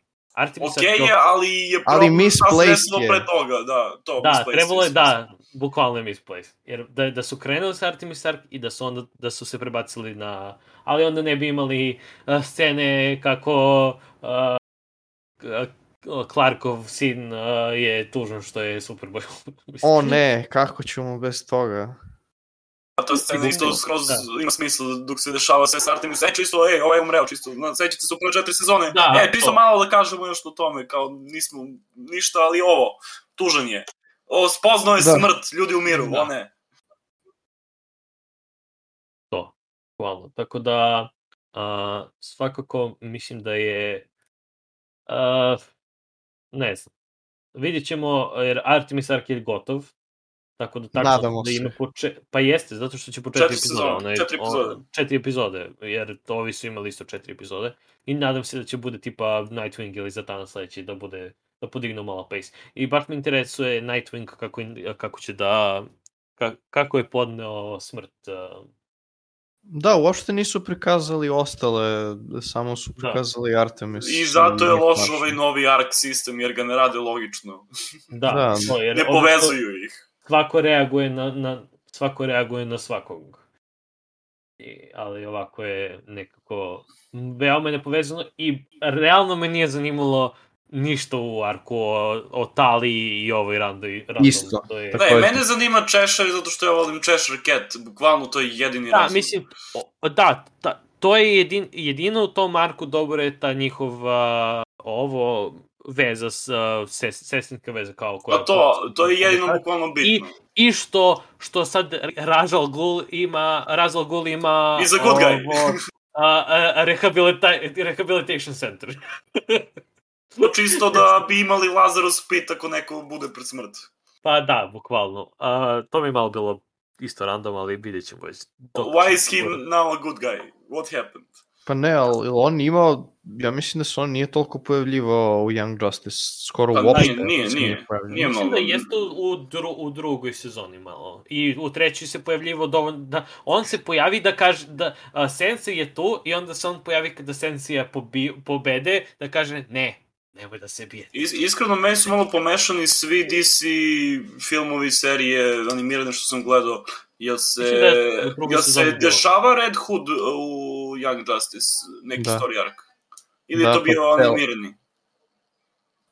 Čekaj, uh, Ima Red film. Ovaj Film? Red, Red Hood, bre, što je bio Robin. A, ne, nije, Da, nije, ne, nije. Znači, to je, to je, to je animirani film, okej. Okay. Da, to je animirani. Dobro, film. dobro, pošto mi je sve to povezano jer je slična animacija uvek, jer rade iste ljudi i onda, ne znam, meni je sve to jedan univerzum. Bio je onaj ark za Red Arrow, što je bio, što je Lex Luthor napravio klon od njega i to je bio kraj prve sezone i početak druge. Kada on Da. shvata da je klon. To je ovaj što sad živi sa Artemis. Da. Da. A onaj originalni je sad kao plaćeni, plaćeni heroj. Onaj što ima zamenjenu ruku. Da, da, da, da, taj. Da. Ja, da, definitivno to treba li očem i prvo drugo se... Nema, nema ništa toga. Ne, Ali- neće rivočuš, ali... Ne. ali pre, bilo je, Ali- pre koliko godina je izašlo? Pre skoro 9, pre 9 godina je druga sezona gotova. A, imamo. Pa ima jedno 9 godina za prvu De- sezonu sigurno. 2012. je bilo, mislim, bio sam ja mlad, bil. Da, uh, bukvalno ako je 2012. Da, 2013. se završila, ali tačno tad je bio štrajk.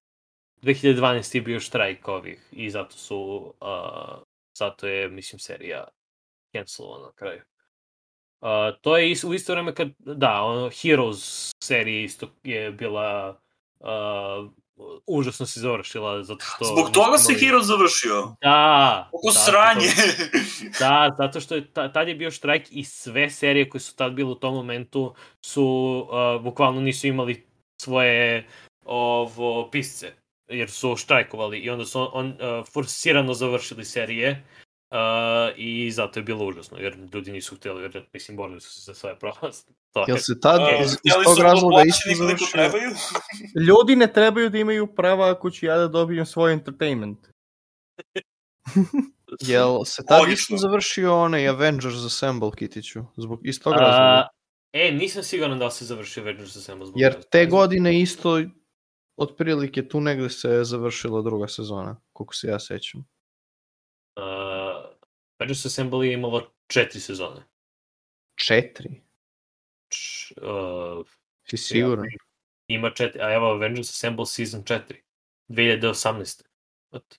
Ne, onda je Avengers Earth Mightiest Heroes. Avengers E, to. Assemble Hero. To, to. Ali to, to mu dođe isto samo što... Jel nastavak, jel da? Ja nisam taj drugi Nije, gledao. Nije, nije, nije, standalone serije, ali... Svi, svi, da, svi živi. Ima, ima... Uh, da, 2012 se isto završila ona. Ali nisam siguran da li je zbog toga. Mislim da zato što su uh, radili ovo... Uh, da su radili... Uh, da su drugi stvari hteli da animiraju i onda da se zbog toga završilo. Nisam siguran zašto su. Iskreno, Earth Mightiest Heroes mi... Me ja sam malo gledao Avengers Assemble i nije mi se svidelo, a Earth Mightiest, Earth Mightiest Mightiest Hero Heroes mi je bio baš dobar. Da, bio je dobar. A, dobro, a, da li smo završili sa DC spoilerima? To jest, sa- Pa mislim da, je. nismo mnogo imali da pričamo jer samo osam epizoda je izašlo. to, sklanjam spoiler. Uh, dobro, došli nazad da audio slušalici ako ste skipovali tamo gde sam rekao ili ako ste slušali ovo. Uh, trebalo bi ovde negde, nadam se da je Riki se vratio nazad, da je tu s nama. Tu sam, tu A, sam. Dobro je, dobro je. A, ovo, da, to, sad smo, pre, prešli smo bili na uh, Earth's Mightiest Heroes, Avengers i tako te stvari da pričamo. Taman uh, segway, da segwayamo u Marvel. Uh, ali da, Writer's Strike 2012. Mislim da je bilo 2012. Nisam 100% siguran, možda pričam out of my ass. Znam da je sigurno bilo da je, da je Heroes failovao, ending je failovao isključivo, mislim, završili su ga naglo zbog štrajka, ali prilično sam siguran da je zbog toga i Young Justice i još neke stvari da su, da su završene uh, ovo, naglo Ej, završene. na kraju to je dobro, jer ljudi koji su plaćeni dobro imaju da prave bolje stvari, tako da... To je tačno. Ali ne znam, ne znam, šta, ne znam šta je bio ishod tog Writer's Strike, tako da ne, ne mogu da i o tom ne mogu da pričam. Ali Ver- samo znam da je... Verovatno je imao smisla s obzirom da mislim da malo bolji uh, bolje stvari se prave u poslednje vreme. Nemaš toliko nek, uh, nekih bitnih medija koji toliko u seru tipa Dobro, sad ne računam Eternals. A, Speaking of, malo, malo mi je out of place u onom univerzumu, ali nema veze. Uh, ali generalno bolji arkovi imaju karakteri, imaju development ranije je možda bilo malo više što se tiče superheroja i sličnog. Bilo je više ovo je superheroj i dešavaju se stvari, razumeš? A vremenom se zapravo dešavaju da imaju backstory, development i slično, tako da verovatno je nešto došlo iz tog writers strajka. nadam se, nadam se da jeste. A, dobro, a, Eternals. A, ko je gledao ovde sve Eternals? Mislim da Grašić i Đole nisu, ali smo nas trojice gledali. Nope. Gledajte kada izađe na internetima. Na Pa- Disney Plusu, wink wink. Da, Shang-Chi A, već je mislim na Disney Plusu sad, tako da očekujem Da, će i ovo biti pa dva, posle, uh, valjda je dve ne, mesec dana ili dve nelje. Mislim da je prvo, Shang-Chi je bio dve nelje, a mislim da će Eternals da bude mesec dana, pošto su kao napravi. Jer sad Mesec prave... dana nakon što izađe iz bioskopa ili mjesec dana Da. nakon premijere. Mesec dana nakon premijere. Ozbiljno, tako brzo. Da, Pa, zato što korona. Zato što A, da. COVID i plus, uh, mislim, imali su mnogo problema sa, k, sa ugovorima, uh, wink wink, just, uh, ovaj, Scarlett Johansson wink wink, uh, ovo, i onda su uh, menjali to kad šta izlazi i tako. Jer Pa, čekaj, beše ideja za, bila za da Scarlett eh, je dobijala pare samo od bioskopa, ne od samo od HBO bioskopa Maxa. ne ode, da. A samo i od zašto je u bioskopa, isto od vreme? Disney Što? Plusa. Da, Disney Plusa. Da, to, što... to, to, to, i onda, i- a i zašto isto vreme, i onda je bio losut i onda su šibnuli da izlazi tipa dve nelje ili mesec dana kasnije. Mislim da je Shang-Chi izašao posle dve nelje na Disney+, Plus, jer ono kao i dalje je bilo ideja da bioskopi još nisu otvoreni u Americi, bla bla, jer oni uvek gledaju samo Ameriku, mislim. Ako, ako Amerika otvoreni su bioskopi, bit će mm, kasnije na Disney+. Plus. Tako da, generalno, uh, Shang-Chi je ako se ne varam, dve nelje ili mesec dana kasnije i trebalo bi isto Eternals da izađu.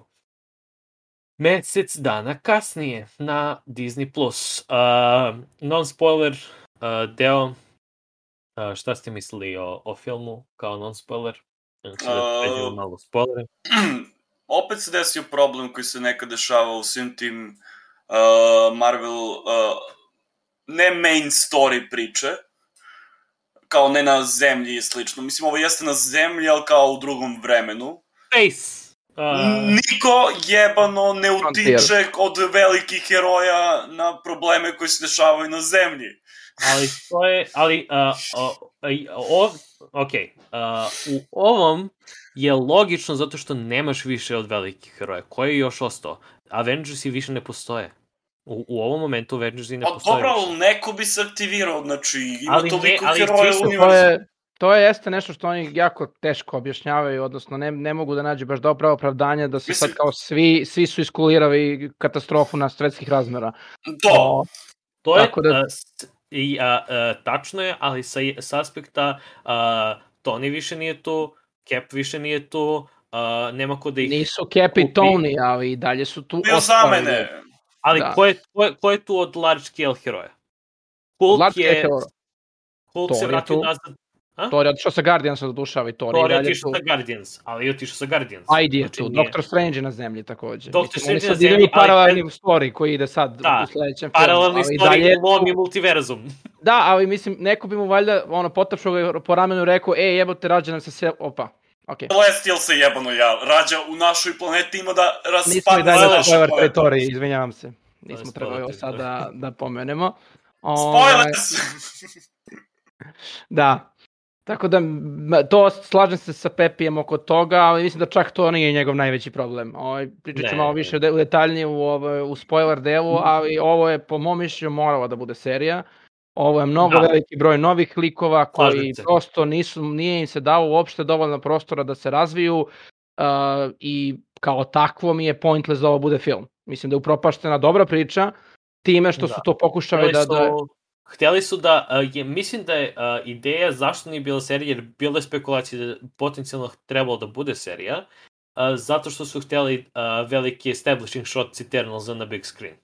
Da, imali su jake glumce koje bi teško mogli da obavežu na ugovore To. za, za seriju, ali Hteli opet, su ono velike Eternalse, kako su ih predstavili, high budget, da bude na velikim ekranima, da prvi put kad se vide Eternals baš u all its glory, da bude na velikom ekranu, da ga vidiš i Dobro, nećemo da pričamo o Inhumanima kao eksperimentu koji nije uspeo. Koji je, Ne, me, meni je nekako sličan kao Eternals. Kao oba nisu toliko baš uspeli. Ali mislim, Inhumans je užasno, ono, baš, baš užasno. Ne, Inhumans je bilo, uh, budžet im je bio užasan. Mislim, nećemo da pričamo ovaj, o uh, uh, kosi od ove, Da, med, od meduze kose, i ono, mislim, ono je bila glupost, uh, bukvalno. I generalno Inhumans kao serija je bio... Inhumans je bolje odrađen u Agents of S.H.I.E.L.D. nego u, u Inhumansima. Da, to je tačno. To je tačno. Uh, svakako, uh, što se tiče Eternalsa, um, film super izgleda. Znači, stvarno je lep. Uh, uh, vizualno je jedan od lepših Marvel filmova. Barem meni. Vizualno su lepo. I Jeste lepo. Celestiali su urađeni sjajno.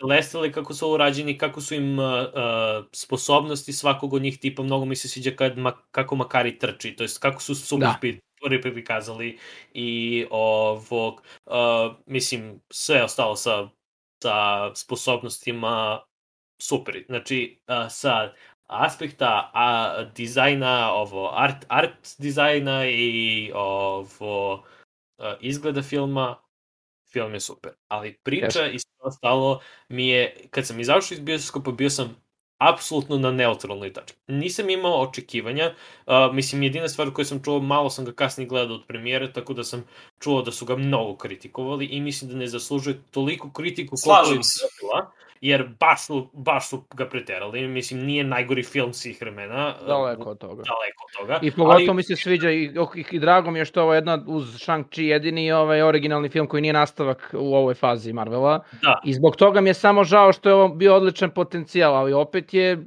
super bold movie, drago mi da se ova priča prebacila na veliki ekran da ljudi znaju šta su, ko su Eternals Pot... i šta oni rade. Potencijalno je ovaj film mogu da bude dva dela koji su relativno brzo izašli jedan za drugi. Ili serija.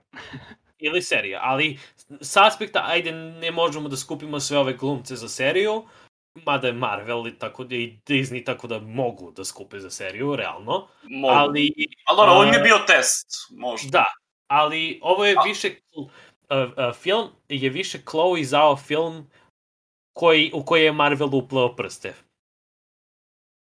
I Pa nije da. ni Marvel film, ni Chloe Zhao film, nego neka između sredina koja nije pogodila. Problem koji ja imam je ko će od ovih karaktera da ostane bitan? A, to pričat ćemo kad upalimo spoilere. Dakle, A, okej. ovo, ali sa aspekta, ja kad sam izašao iz bioskopa bio sam uh, ravno na neutralno. Bio je Isto, isto. Gledao sam, malo je duže trajao, ima nekih establishing shots koji nisu mo- morali da budu toliko dugi. Uh, ali, na primer, uh, čuo sam oko, oko mene ljudi koji su, koji su gledali ovo, uh, neki su bili mega po, pozitivni, na primer, uh, im bilo je puno upoređenja sa Dune, koji tipa fan, fanovi, uh, ljudi koji nisu fanovi, da, da, ljudi koji nisu fanovi, Ne! Ljudi koji nisu mega fanovi Duna su, na primjer, im se više trnosili do, od Duna. Tako da, Pepi... Ali Pepi... Ja ne volim Dune. Ja mogu da kažem samo da ako se već ne bih, ga, ne bih poredio ta dva filma, Uopšte. uopšte nisu apsolutno niti ne u se istom, uporedi, ali, u istom ali, košu. Jedino po Znači, priči mislim da su je bolje... Sem kadrova, sem kadrova što postoje kao veliki kadrovi, ništa više nema slično. Znaš zašto, znaš zašto je glav, zašto ljudi upoređuju? Zato što oba filma traju mnogo. Mnogo dugo. To im je jedina sličnost i to je zato što, ovaj, kako se zove, Dune po meni Znate su- opravdava dužinu koju, koju ima. Meni Upravo. Eternals ne opravdava ovu dužinu jer prvo ovo ne treba da bude ovoliko dugačak film u kojem imaš ovoliko malo plota i pokušavanja da druge stvari, odnosno likove, da ih umeđu vremenu dok, dok pričaš priču, da ih na brzinu izgradiš i da im, umesto da im daješ vremena da svi oni imaju neki ark. I onda kao tako nešto, meni je ovaj film bio predugačak. Znači što, što ovo ni, Da, prvo ne može da bude jedan film. Ovo treba da budu ili dva filma, ili cela serija, ali film od dva i po sata da uradiš sve ovo, to je puno stvari i to ubija ono i, i pažnju i ovaj i želju gledalaca da uopšte gledaju do kraja i da ostanu fokusirani. Znaš. Ajde će se prebacimo na spoilere, pa ćemo da, ovo, znači, za Audi slušalce, as per usual, Ja, mo, ja mogu samo da ubacim još jedan deo kad smo već kod filmova predugog trajanja i, i loše odrađenih. Hejtujem Venoma 2, toliko od mene. I mean, it's fine. Nije! Mean, whatever. Uh, Okej. uh, Venom i mm, ovo, Tom Hardy su u vezi, u redu je. Da, okej. Mislim da je najbolja stvar iz Venom dvojke je post credit scene. Znači najviše Da, to, da, to je Bukvalno, je... najbolji moment filma što dosta govori o filmu, tako da. Pa, i ja bih rekao i Eternals da je tako isto nešto.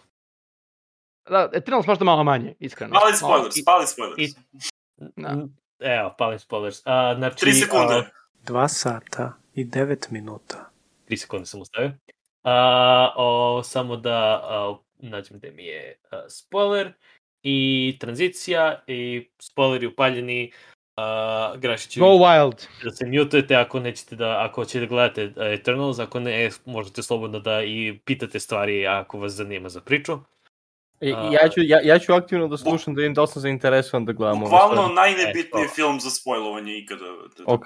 Pa, buk, da, kinda. Mislim, dobro, upali, upalili smo Baš, ajde, tako da... mislim da, mislim da ima, ima priča kao priča i plot koji se desio i taj big reveal je zapravo dobar. Meni se taj deo filma jako svidao. Ove, kako su i, i sa Ikarusom ovaj, ovaj, njegov, njegova promena, odnosno njegov ovaj, plot point Da, je bio sjajan. Znači, to, taj deo, Da, ta izdaja je odlična i ja meni iskreno bila neočekivana što redko viđam u Marvelovim, Marvelovim filmovima, pogotovo u trećem aktu da se desi nešto tako dobro.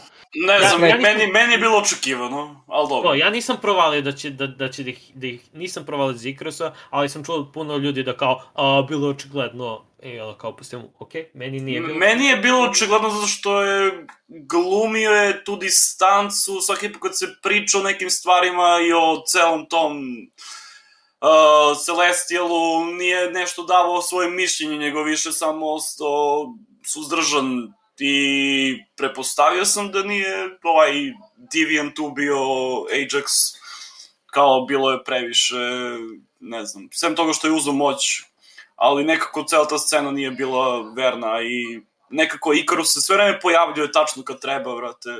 Misliš, Deviant koji nije služio nikakvoj svrsi, sem da bude... Ne tu želim kao- da pričam koliko Deviant nije imao smisla. Kao mislim ono, da je Di- Deviant jedini, jedini razlog zašto je taj Deviant bio tu, jeste da se, da se nekako taj inuje sa Thanosom, koji je potencijalno Deviant, koji je pobio sve ali to, ali to ne smiju da pomenu iz razloga što Thanos je polu Deviant po loru i ako Eternalsi nisu aktovali kad se je Thanos bilo što uradio, oni imaju, ceo film nema smisla.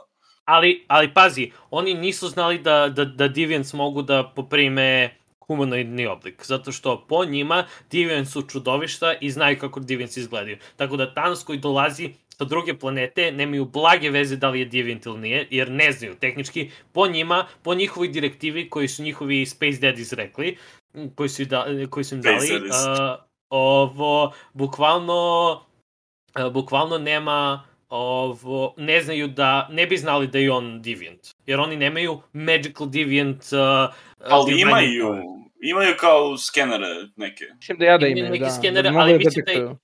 Ali mislim da imaju za one koji su na, na zemlji, koji su uh, nativni za zemlju. Pa, mislim, nije objašnjeno, tako da... Pa mislim, Svak, svakako ga što- smatram plot holom, iskreno. Pa, da, ne, uh, Deviant sa aspekta enkapsulirane priče, oni što je bio, nije služi svrsi uopšte. Služi svrsi čisto da, da vrati nazad Tinu. Ali... Kako Da je, kako je, izleči kako, Space Madness. Znači, u Ali- momentu kada Tina ubije... Uh, U trenutku kada Tina ubije Devianta, samo sam foru ozbiljno. Kao ono, stvarno se gradili ovog lika, ceo film koji traje dva i po sata, i onda je samo umro od par slajsova. Jep. Kao ono, to je, A, to, to je sve... radili likove šest sezona, pa su ih tako samo bacaju u đubre, tako da ono, ne znam što očekuješ. To je Mislim da previše očekuješ. A, a, I expect greatness. Da, mislim, mislim da, uh, mislim da uh, su mogli da, ili da, da u, zadnjoj, u zadnjem fajtu ne vidim zašto on uopšte upao u zadnji fajt, kad se ovaj već bio, zašto, si ti, up- zašto ti upadaš. Da, da, A, bukvalno je kao to nebitan lik. Mogli, lagano su mogli, i baš sam pričao ovo sa drugom pre uh, par dana, lagano su mogli da, uh, što on kaže, da je on samo otišao i da nisu ga uopšte više spomenuli i da bude kasnije neki negativ, da se Upravo, pojavio u da. nekoj kasnije frančizi, kao, a, ili da se pojavi tipa na kraju u post credit ili nešto da bude, aha, sad, sam, sad, sad ću da dobijem character development.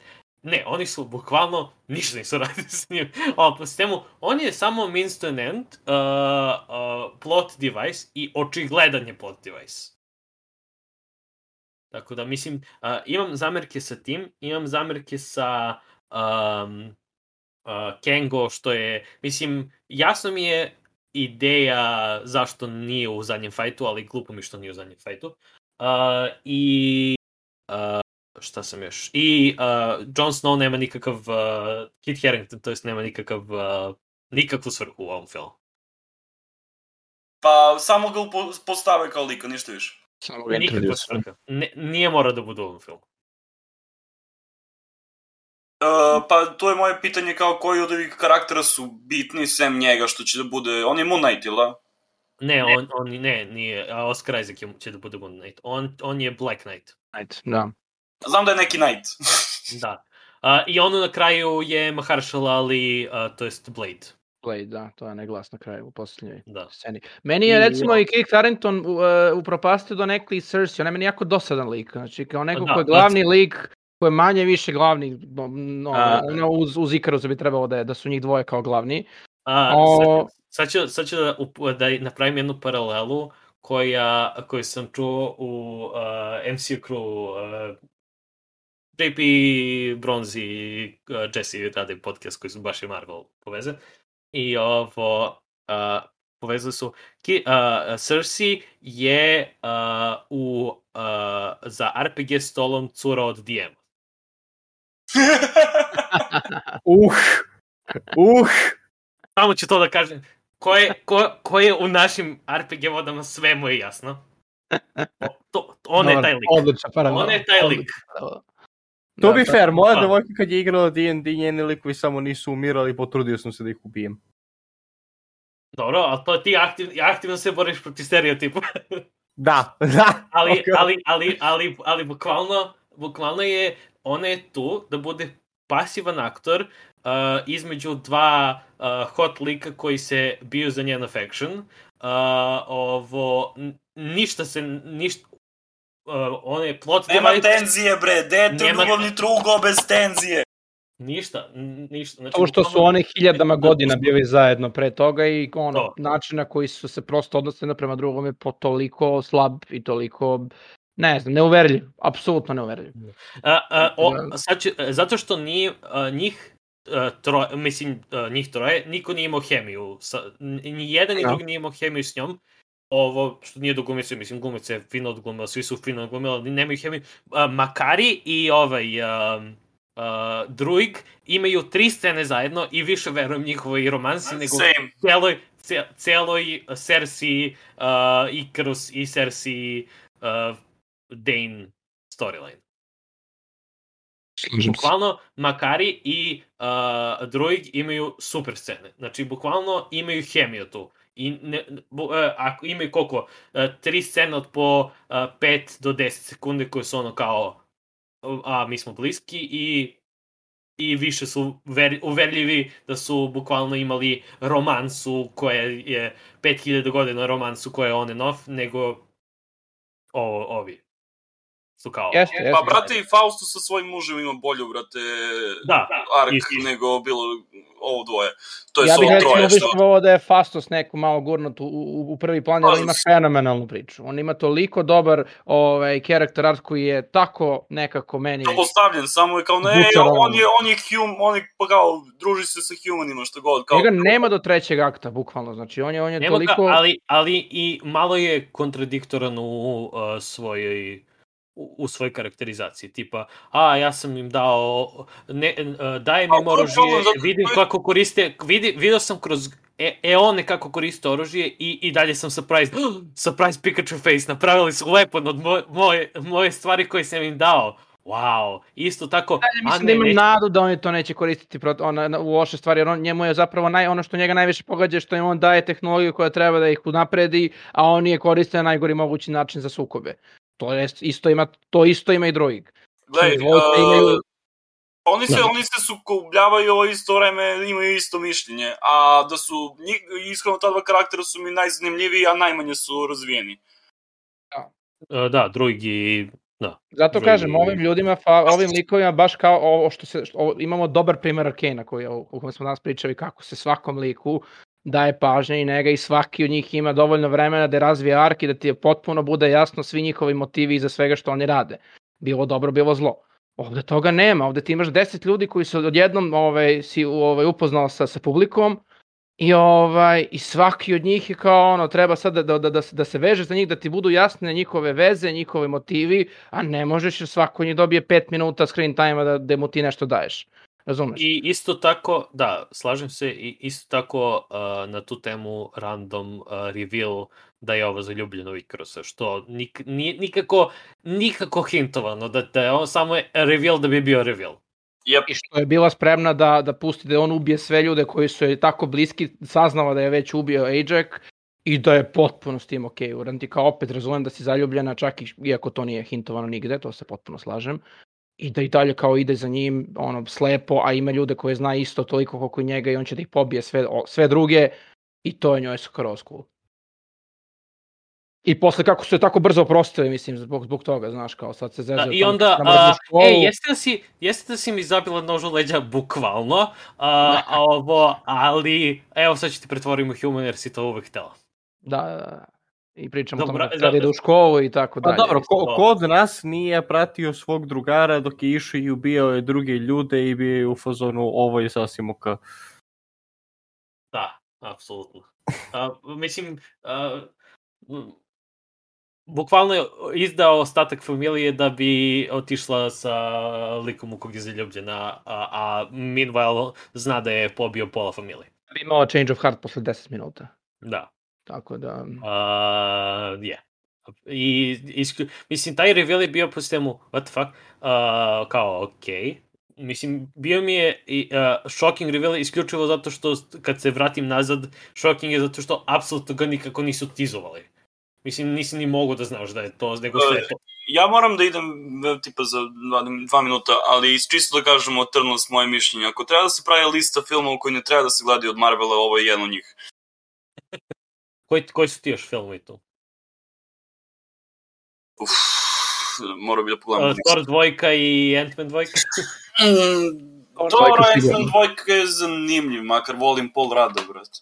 Da. Uh, Thor, Thor dvojka isto. Dark World je i, i, isto. Mislim da uh, Dark World i Eternals imaju isti problem što se tiče režisera. Da su režiseri hteli jednu stvar, Marvel hteo drugu stvar i nije se našlo. se našli na pola.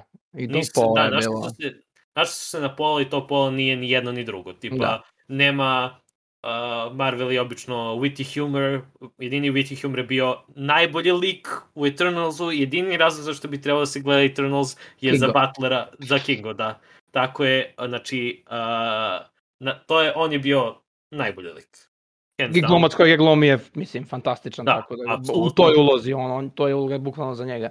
Tako da, Da, ovaj, da. On, je, on je bio, on je bio tačno... comic relief uh, kar- karakter. je, comic relief, ali je bio i humanity, bukvalno uh, jedina predstava ljudskosti u uh, Eternals, da kažemo, koje, jer Dane nije poslužio toj svrsi. Um, mislim da je definitivno bio ono kao po sistemu dobar predstavnik čovečanstva u tom momentu, pored svih ovih uh, bukvalno božanstva, jer su tehnički božanstva, jer svako je dobije, neko božanstvo je dobilo po njima ime. Tako da, Icarus završio u suncu, unexpected, da. totally Aha. unexpected. a, mene zanima šta mislite o, a, o Erosu. Ko je ono glumac? Harry Styles. Fuck! Tehnički ne glumac, ali u stvari jeste, on je glumio u nekim stvari. Meni je malo, ma- malo mi je poražavajuće da je kad otvoriš ovaj cast za Eternals, on je malte ne među prvima, a čovek je imao koliko, koliko A, screen 300. time-a. Post credit scene. Post credit scene, to mi je ono kao... u, u, jednom, u jednom post scene je radio tipa više nego uh, Ajax i Cersei zajedno. To je tačno, to se potpuno slažem, ali i dalje mi je malo nekako ni podaštavanje Ja ne mogu da drugih verujem. ljudi. Da, Znaš. ne mogu da verujem da su ubili Selmo Hayek toliko rano. To bi, to bi A, bilo... znaš kako, oni su tu uradili nešto što je rađeno u, ovaj, mislim, čak mi to i nije zasmetalo, zato što to recimo imaš opet, evo, spoiler jedan za Watchmen, ko, pošto spoiler teritorija, ali spoiler za Watchmen je, mislim, komedijan, ista, ista varijanta, čovjek, lik Ja, koji brzo da, ja- umre i onda imaš flashbacks na njega, šta je on radio i tu ga razviješ. Mislim da je čak i Jack dobila dovoljno vremena da se njen lik, ono, Pa, razvije i da, i da pokaže šta je zapravo njena motivacija, kako ona druge faktički bude neke, neka vrsta mentora i nju, svi, oni svi drug, nju prate, ovaj, ali ono, da, mislim, to je sad različiti na, na pristupi kako možda da razvijaš lika, da li da ga ideš kao što su radili u Arkaneu, nisu se vraćali na kog od njih, osim u par nekih sitnica, Da. Ovde si bukvalno jednog lika samo ubio na početku i, ovaj, i onda si se vraćao i pokazivao si ga kroz slažu, što opet inherentno nije loša stvar, ovaj, samo zavisi kako to uradiš. I no. Ja više imam problem s drugim ljudi, ljudi, likovima koji su imali ogroman potencijal i Tena recimo i nju smo eto, ovaj, nismo je pomenuli toliko, ovaj, ona može isto od nje može se napravi o, o, ozbiljna psihoanaliza. Ovaj, njen, njen, A, njeni- a, žao, mi je, žao mi je što su Gilgamesh ubili. I nadam I se da ga vrate nazad sa, tehnički su oni svi roboti, znak pitanja, tako da tehnički mogu da se vrate nazad možda sa drugačijim karakterizacijama, da ne bude, e, sad smo revivovali Gilgamešu, nego tipa, e, ne sećam se tog uh, mesta na zemlji, ali sećam se ranijih tipa, ili sam resetovan, ali Gilgameš kao Gilgameš je bio... Uh, Odličan, odličan je sve. Odličan Ako glumac, bi, re- odličan ako bi rangirao, ako bi rangirao Eternals u Eternals, mislim, od svih kasta, najbolji je bio uh, Butler, pa je onda bio meni Gilgamesh, pa onda Makari i možda posle drugog Fastos i oni. Tipa ovi ostali, oni koji su tehnički glavni glavni bili, su bili gori od svih koji su sporedno umrli ili su bili side karakteri tipa Icarus mi nije interesantan, Cersei mi nije interesantna, uh, ova, uh, kako se zove, od same Hajk, uh, Ajax. Ajax je bila, mislim, nepostojeća tehnički, Ajax. ali ono što je, da, ono što je bilo meh, Kengo je bio dob, uh, dobar, ali mm, mislim, dobar, mislim, uh, dobar i glumac i ovo, super su. Taj, on je bio super i onda na kraju u trećem delu je samo nestao. To jest, u, u, na kraju samo nestao i samo se pojavio, ono kao je. Ja, ja uh, ću da budem mor, moral uh, neutral ground, neću se bijem sa familijom, ali isto tako mislim da treba svi da umrete, ćao, zdravo, vidimo se u sledećem univerzumu. Veoma glupo. Da. Mislim, svakako, ono, uh, uh, no stance is a stance, tehnički. Uh, Uh, ne znam kako se zove glumac, ali lik koji glumi druiga je fenomenalan glumac. Glumi u Killing of Sacred Deer od onog uh, ludog uh, lika što je radio Dogtooth. Uh, tako da gledajte filmove od čoveka, dobar je. Ja moram da idem, tako da vas pozdravljam. Dobro, mi možemo da se prebacimo na, na uh, ovo, da sklonimo spoilere. Uh, ti li imaš nešto, to je pre nego što sklonim spoilere, da kažeš? Pepi, još da je Možda skloniš spoiler, nemojte da gledate Eternals ako vas ne zanima toliko Marvel univerzum. Mislim, pazi, gled, ne, nemojte gledati, oni će nastavljati ovu priču, ovo sad ide dalje, znači, Da. pričali smo o Star Foxu, smo počeli, odnosno o Erosu, ovaj, Da, mislim da će on biti... daš End credit scene gledaš i okej si. Dobro, mora, on se sad njima da suštini da pomogne da im da vrate te ljude koji su koji ovaj Jarišem pokupio, odnosno Eternalse koji koji su otišli s njim, Da. tako da s te strane mislim bitno je da zbog toga, ali da je lo, da je film ne, neću da kažem loš, ali jeste, mislim borderline tu negde. Pa, u tom a, smislu. Meni je neutralan, apsolutno neutralan. Znači, ne, ne, nije mi bio ni loš, ali nije mi bio ni dobar. Tipa, da Za cast koji ima, užasno. Ja bih čak vi- više ovo no, da da je Kaz bio manje, ovo da uopšte mi nije bitno da Oni se su Hayek više da ubace. Oni su htjeli da ubace uh, još tri Eternala. Uh, to ljubim vas, uh, lepo se provedite na ostatku streama. Ćao! Ćao, čao. Ćao. Ovaj, Oni su htjeli da ubace nekog, nekog uh, koji je vampir, ali nije vampir, ali izgleda kao vampir, nemam pojma, Eternal neki. I još, još, još neki, još, da, i još, ne, još neka dva, ali nisu, mislim da je onog bilo spekula. Oni su napravili devet post-credit sinova. Mislim, i- ne, čemu? Da, on, jer Ne. oni nisu, nisu, i kraj su valjda menjali četiri puta. Mm. To jest, u, u, u, kad, su, kad su pisali, uh, nisu znali tačno ka, gde će da idu sa krajem, zavisi od Marvela, i onda su, mislim da su promenili tipa četiri, četiri, pet puta su promenili kraj. Tako da, ne znam. Svakako, Svakako opet mislim znači da je bolje bilo da su se od, da ste od- odrekli tih high budgeta ovaj glumaca po cenu toga da se ovo napravi u neku seriju i da se ovo zaista ispriča na način na koji je trebalo. Ovako je film ok, nije sigurno među boljim Ma- Marvelovim filmovima i opet kažem Ne. šteta i Shang-Chi koji je meni pri, ovaj svetli primjer kako treba se uradi jedan ovaj novi novi Origin story. novi origin story, nova priča u, ovom, u ovoj fazi gde već uglavnom su samo sikvovi ovaj, postojećih heroja. Ovaj, eto, a opet Cosmic je level ovaj, dešavanja bitan je na nivou i ovo je jedna od boljih priča Jacka Kirby generalno u stripovima, tako da s te strane mi je žao što će neki dobiti uku, ono, imaće taj neki ukus u ustima koji je onako loš, dosta da, gorak. loš, da. I ovaj, pitanje je koliko će moći da se izvuku sad sa, sa Erosom u drugom filmu, ali ajde da vidimo. Nadam se da, Da, hoće. pa vidjet da ćemo vidim. i pitanje, uh, zani, mm, razmišljam se da li će da bude Eternals 2 ili će da bude nešto što će da u, u kombinuje Eternals zajedno sa ovo što će tehnički da bude Eternals 2, ali neće se zove Eternals 2. Moguće da. Da. Čak je to možda i pametnije marketički da urade nešto, nešto drugačije Pa da. od ovog. Da ne bude samo Eternals 2. Ali ajde, to ćemo još da vidimo. Tako da, da, pa ja mislim da će da bude tipa možda nešto kao Cosmic Judgment ili tako nešto i onda da neće tehnički da se zove Eternals 2, ali da je spiritual successor Eternals. Da. Uh, ok, uh, to je što se tiče spoilera, sad ćemo da sklonimo spoiler tag. Uh, dobro, trebalo bi ovde da se vrati nazad. Um, uh, dobro, došli nas Grašić i Đole. Bolje vas našli. Dobro. A, a, ja ću da na kratko spomenem Hitmonkey, pošto Ok. okay. nije gledao od vas. A, Hitmonkey na Hulu ima 10, epi, ne, 10 epizoda, ako se ne varam, ima.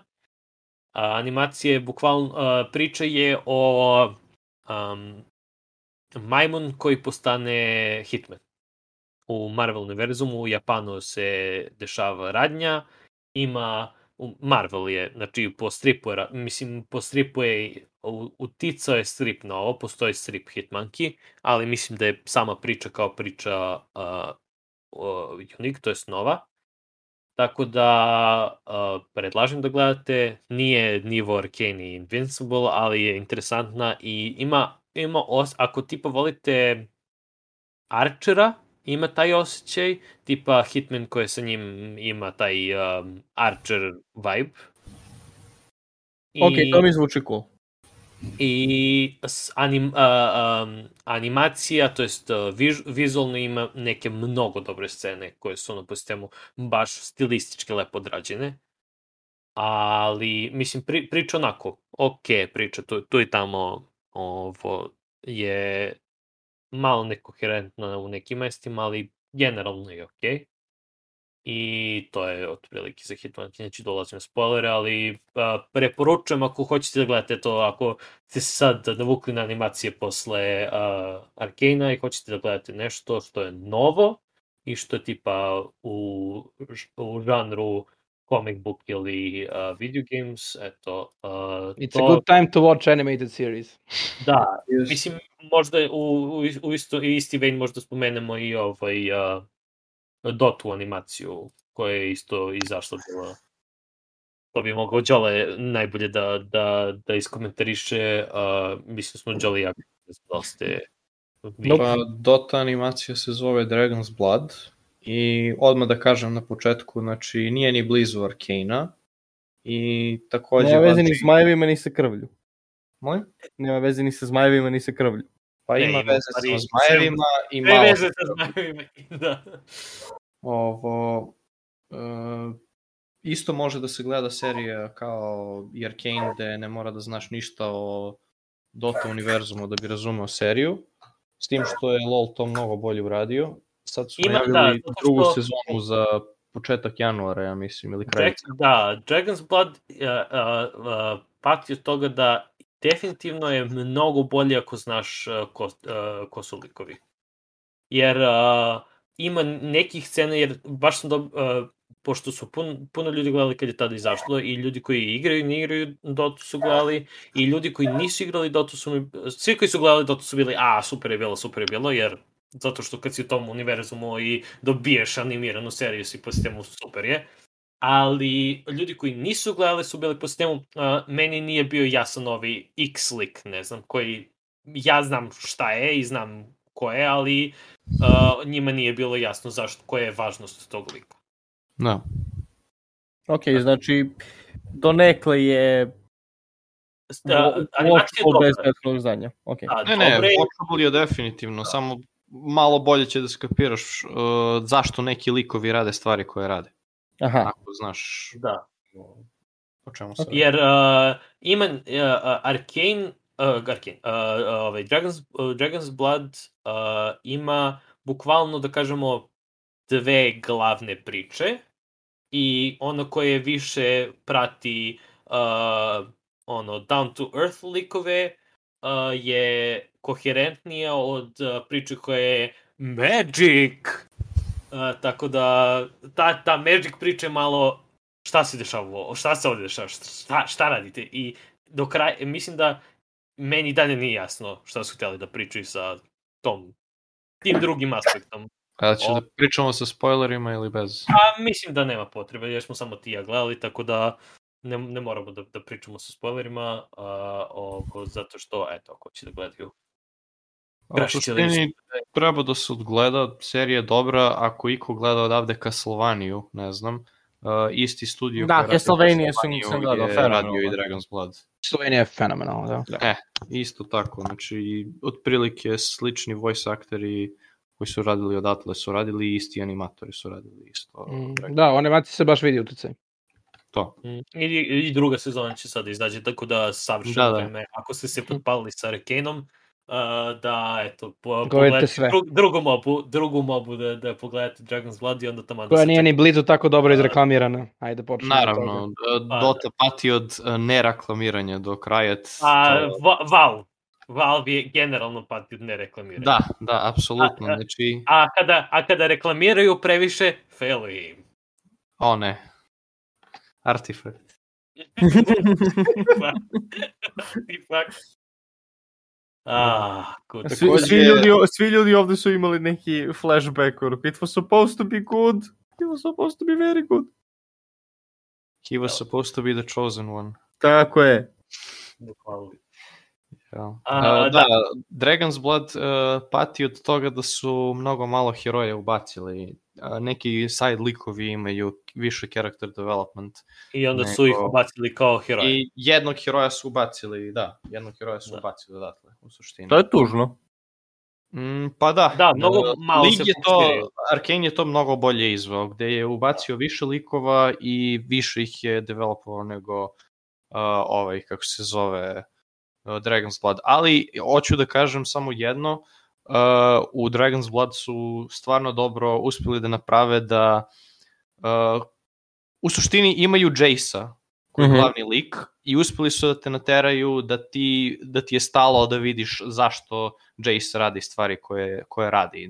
Gde je bukvalno potpuno blend lik koji uh, ne znam, on je Dragon Knight, on hoće da ubija zmajeve i to je njegova priča i ovde sad govore o tome uh, zašto ih on ubija i kako. Uh, to je nešto što ne bi trebalo uopšte da bude interesantno, a uspeli su da ga naprave. Jedino, To je, da, to Uh, je tačno.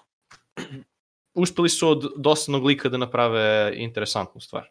To ću. da Ok, ali to nije lako, pazi. Nije, nije. Uopšte. Ne, da, a, a, da, i kad smo kod, a, za ljude koji su tipa igrali Dota Keca ili nad nisu igrali Dota dvojku ili tako neke stvari, a, Dragon Knight je u a, seriji, a, Miranda je u seriji, Mirana. jest, Mirana. Ovo, L- Miranda... Lin- Luna? Luna je u seriji, Invoker, Invoker je u seriji i Terrorblade.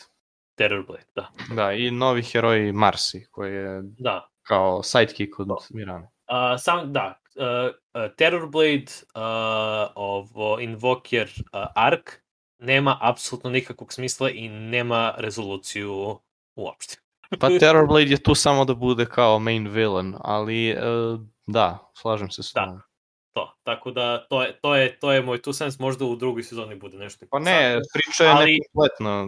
to, to je činjenica. apsolutno, ali uh, aspekt koji je više down to earth je mnogo uh, uh, pogotovo zato što imaš, pratiš ta bukvalno tri lika koji dobiju character development zato što njih najviše pratiš. Tako Da. da, uh, oni su dobro odrađeni zato što samo njih pratiš i onda sve ostalo što se dešava okolo njih i je veoma malo razvijeno i konfuzno. Pa Ako iskreno, ne znaš- za, Ako ne znaš likove, pogotovo još, konf, još konfuzno. Za Invokera se ne bi složio, jer Invoker je zapravo dobio dosta, dosta Jeste, dobio dosta. development. Znači, on Jeste, je... ali hoću kažem, ciljevi su im manje jasni na kraju. To jest, uh, rezolucije je manje jasna. Pa ciljevi Invokera mogu da razumem, a ciljevi Terrorblade ne razumem. On Da, je samo da. demon koji hoće da, ono, koji je zao. I guess. Da. I am demon, I am evil. Da. Od prilike, Anyways. da. Da, to je, to je otprilike te p- paralel, ne znam, uh, Castlevania ste gledali, uh, kako Da. se, kako se, eto, kao video game adaptation, kako se, ovo, kako stoji sa, da bi preporučili, da li, Da li mislite da kao standalone sto, sto- story bi preporučio da se gleda, jako je lep, jako ima dobar a, story development, character development, a, ako volite ono, e, ovo je sad ne mogu da nazovem da je kombat realističan, ali recimo visceralan je jako i onda ako neko neko zaseče, taj će neko da krvari, ako ima fatal wound, umreće i slične stvari. Ovo, sa te strane jako lep, motivacija mi se dosta sviđa, uh, without any spoilers, uh, ishejtovao sam kraj zbog plot twistova koji su se desili na kraju. Meni se sviđa glavno Castlevania zbog kompleksnih likova, E, da. pogotovo Isaac, jedan od omiljenih likova iz te serije. Da, ok, može. Ovo, Ok. Ja nisam igrao igrice, što se tiče Castlevania, ali mogu da kažem da sam gledao seriju i bilo je stvari koje mi nisu bile jasne, pa sam morao na internetu posle, kada sam završio serijal, da vidim zašto se šta dešavalo, ali tipa 70% stvari sam skapirao, jer ono, se, može da se razume. It, it doesn't do a perfect job, but it does a good enough job. Da, Riki, jel si gledao ti baš? Nemam, da, da, da, nemam mnogo toga da dodam, dakle, opet bez ikakvih spoilera i da, ovaj, da budem kratak, sviđa mi se, sviđa mi se kako je prva sezona je ovaj, rađena sa manjim brojem epizoda, ako se ne varam, posle su Da. ovaj, drugu i treću i četvrtu, a koliko ih četiri ima, ali tako sad sezona? prve, prva sezona ima četiri epizode, pa onda druga i treća ima valjda deset, ako se, ili osam. Deset. Da, po, to im je bio ono, pro, probali su pa su vidjeli da može, pa su onda išli ovaj, full seasons. Uh, super, ja sam igrao igrice, ali nije kao za Arkane, mislim, nije, ne utiče mnogo. Ima naravno nekih stvari koje su ovaj, možda nisu dovoljno dobro razjašnjene, ali generalno serija kao ovaj, u kompletu, topla preporuka, animacija je super, priča je super, ovaj, mislim da je Voice kao acting Kitić is- ka, voice acting je fenomenalan. Ovaj, ako ste sad gledali Arkane, kao što kaže Kitić, možete samo da nastavite dalje, ima sjajnih serija ovaj, koje su tu te, žanrovski slične, pa ovaj, ima materijala da se gleda. Da, da, evo, definitivno. e, Sad smo vam rekli minimum tri. Da. I to je četiri, ako računamo Young Justice i sve Avengers koje smo spomenuli, ako ćemo tako isto. Da. A, dobro. A, ne znam kakvi ste sa vremenom, da li hoćete malo da bacimo na Spidey spekulaciju ili da završavamo? A Koji deo Spidey bih spekulacije? kraju. Pa. Spidey spekulacija, ovi što će sad izaći? Mhm. Way home? Ne. Ne. Neću zato što ste bolje upoznati sa tim i onda ćete mi spojlujete. Ja isto ne Pa. bih zato što uh, gledao sam samo jedan trailer i bio je dobar i to mi je dovoljno. Ne bih gledao dalje. Hoću da uđem u film bez, bez ičega da znam. Znači da imam potpuno... Učurovo Ima nastavku neću savjetovo da gledate što pre film, kad izađe, zato što se bojim da će biti nemoguće živjeti Mislim na da će- internetu. Ovaj, Bukvalno, mislim da će da i- bude da, mega da. spoileri i da će da... A, to je, ja mislim, jedini film koji bi a, rekao da je bolji da izađe u, da Disney Plus u isto vreme kad i a, ovo, jer ja mislim da, Da. da je je- jer ja mislim da pogotovo Neće to onda- Sony dozvoliti, ne sekiraj se. Neće, normalno da neće, ali hoću da kažem da bi to bio najbolji da izađe. Bilo gde, nemo, Sony platforma, gde god da izlazi, samo da, da izađe što ranije, jer mislim da će, pogotovo sa još uvek pandemijom, biti veoma interesantno. Bioskopi će biti veoma interesantni decembra. Uh, da, Da, on da. izlazi 17. decembra izlazi oficijalna premijera, ali mislim da je to na red carpet premijera. Feature, Uh, druga sezona. Da, i to, to ćemo, sad, ću da, sad ću da, i to, i to ću da, da, da spomenem samo za, što se tiče Spidey-a, znači 25. ja mislim da oficijalno filmovima, u bioskopima, to jest. Tako 25. da- tek. Pa 17. je premijera, ali ja mislim da to na red carpet premijera, ono što obično rade e, nedlju dana, nedlju ili nešto pre oficijalne, Zvanično, e da. sad je u bioskopima, ali Mhm. nisam siguran, tako da vidjet ćemo već. Ali, ali svakako u momentu kad bude ta premijera već ćemo da znamo mnogo stvari, već znamo mnogo stvari. Tamo Da. ću da kažem, pogledajte sve prošle filmove, Obavezno. a, tako da će Misliš da bude... samo na Spider-Man filmove, ne na sve Marvel. Da. Da, sva, pa, tri, sva tri iteracije. sve ti i možete tipa Doctor Strange da gledate jer će da bude u, ako, ako, ako niste gledali do sad čisto da znate ko je mislim da ne bude Ja nisam ni znao da će se pojavljuje Doctor Strange ovde, iskreno. pa bu, u prvom traileru je bio o čemu pričaš Mm, zaboravio sam. Gledao sam trailer kako si, gledao sam prvi trailer. Ne znam da se pojavlja Doctor Strange. Doctor Strange, cela poenta filma.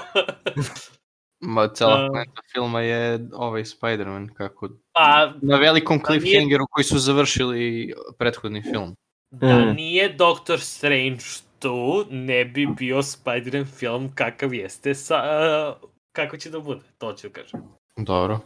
Jer ima ključnu ulogu u, uh, u priči koje je Da. rečeno u trailerima, tako da to, to može da se spojava jer je rečeno u trailerima. Ja sam siguran da će ovaj film da bude, da bude ovaj, uspešniji od, od Endgame-a, pošto ovaj hype o, ovog, ovog razmera, Da. da. pogotovo sa svim što su radili i svakim čast. By the way, na- 30 na- na miliona pregleda u prvih 24 časa na, na prvom Da, da, da, traileru. da.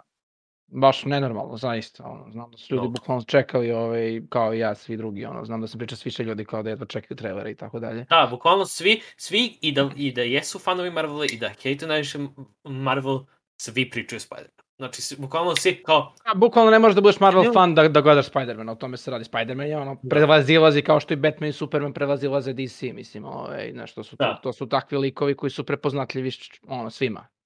Da, da sam siguran da će i, tak, i ti ljudi, i ne treba ti ne znam kako, osim Spider-Man filmova prethodnih, ne moraš da gledaš ni Avengers-e, ne moraš da, mislim, poželjno bi bilo možda, ali zaista možeš da, Da. ovo gledaš kao nezavisno. Mislim, imaš, pa da, prethodne Spider-Man filmu, eventualno tipa uh, Endgame ili uh, ili Doctor Strange, uh, ako hoćete da vidite neku kompletniju priču uh, uh, Peter Parkera uh, MCU-a. Mislim, Ja bih rekao i gledajte i Spider-Verse, pošto će dosta toga biti ove, i odatle. Tako Da. da. Baš me zanima da li će ovaj film... Spider-Verse je fenomenalan, da se razume. Kao Ne, animacija, Spider-Verse je da. najbolji Spider-Man za mene. Da, Znači bez, Jeste. bez preterivanja. Neverovatno šta su uspeli da urade s tim filmom. Ovaj, tako da se nadam da će, da će ovo biti ono, dostojan naslednik toga. I isto tako animacija koju možete da gledate ako niste kojim slučajem gledali, a, ovo, ako ste sad po, a, krenuli na animacije, Spider-Verse je definitivno film, film Ako ste je, krenuli na ali animacije, gledajte. trebalo bi da ste već gledali ovaj film. Ja Da. tako rekao, ali... mislim da su svi gledali taj film, nema ko nije čuo za, za Spider-Verse. Pa ima, mislim da, Bukvalno. Spider, da, da a, nije toliko, m, jeste bio popularan, ali mislim da nije ušao u mainstream koliko su MCU filmovi, mislim, ono. Mislim, bio je blizu, ali mislim da nije ušao toliko ono da je household ime e, Spider-Verse, da je ono. Ja znam da kad je taj film izašao da su svi pričali o tom filmu i prosto vidi se i zašto, način na koji je animiran i način Da. na koji su likovi predstavljeni je sasvim nešto. I Spider-Verse 2 izlazi sledeće godine isto. Da, to, to nisam znao da imamo, ti nisi rekao da, neki dan. oktobra, oktobra izlazi drugi deo Spider-Verse. Eto, za, za ljude koji ne znaju, kao Đole. Kad smo- Nekad je, nekad je to blagoslov, ne znaš i onda se prijatno Samo ste iznenadi. Evo, kao iznenadi. ja što nisam znao da sad izlazi Spider-Man, recimo. E, eto. E. Eto. Sve, sve, uh, riznica, uh, s- uh, plot twistovi, otkrivanja filma. Tako je, obo, obogaćujemo živote jedni drugima.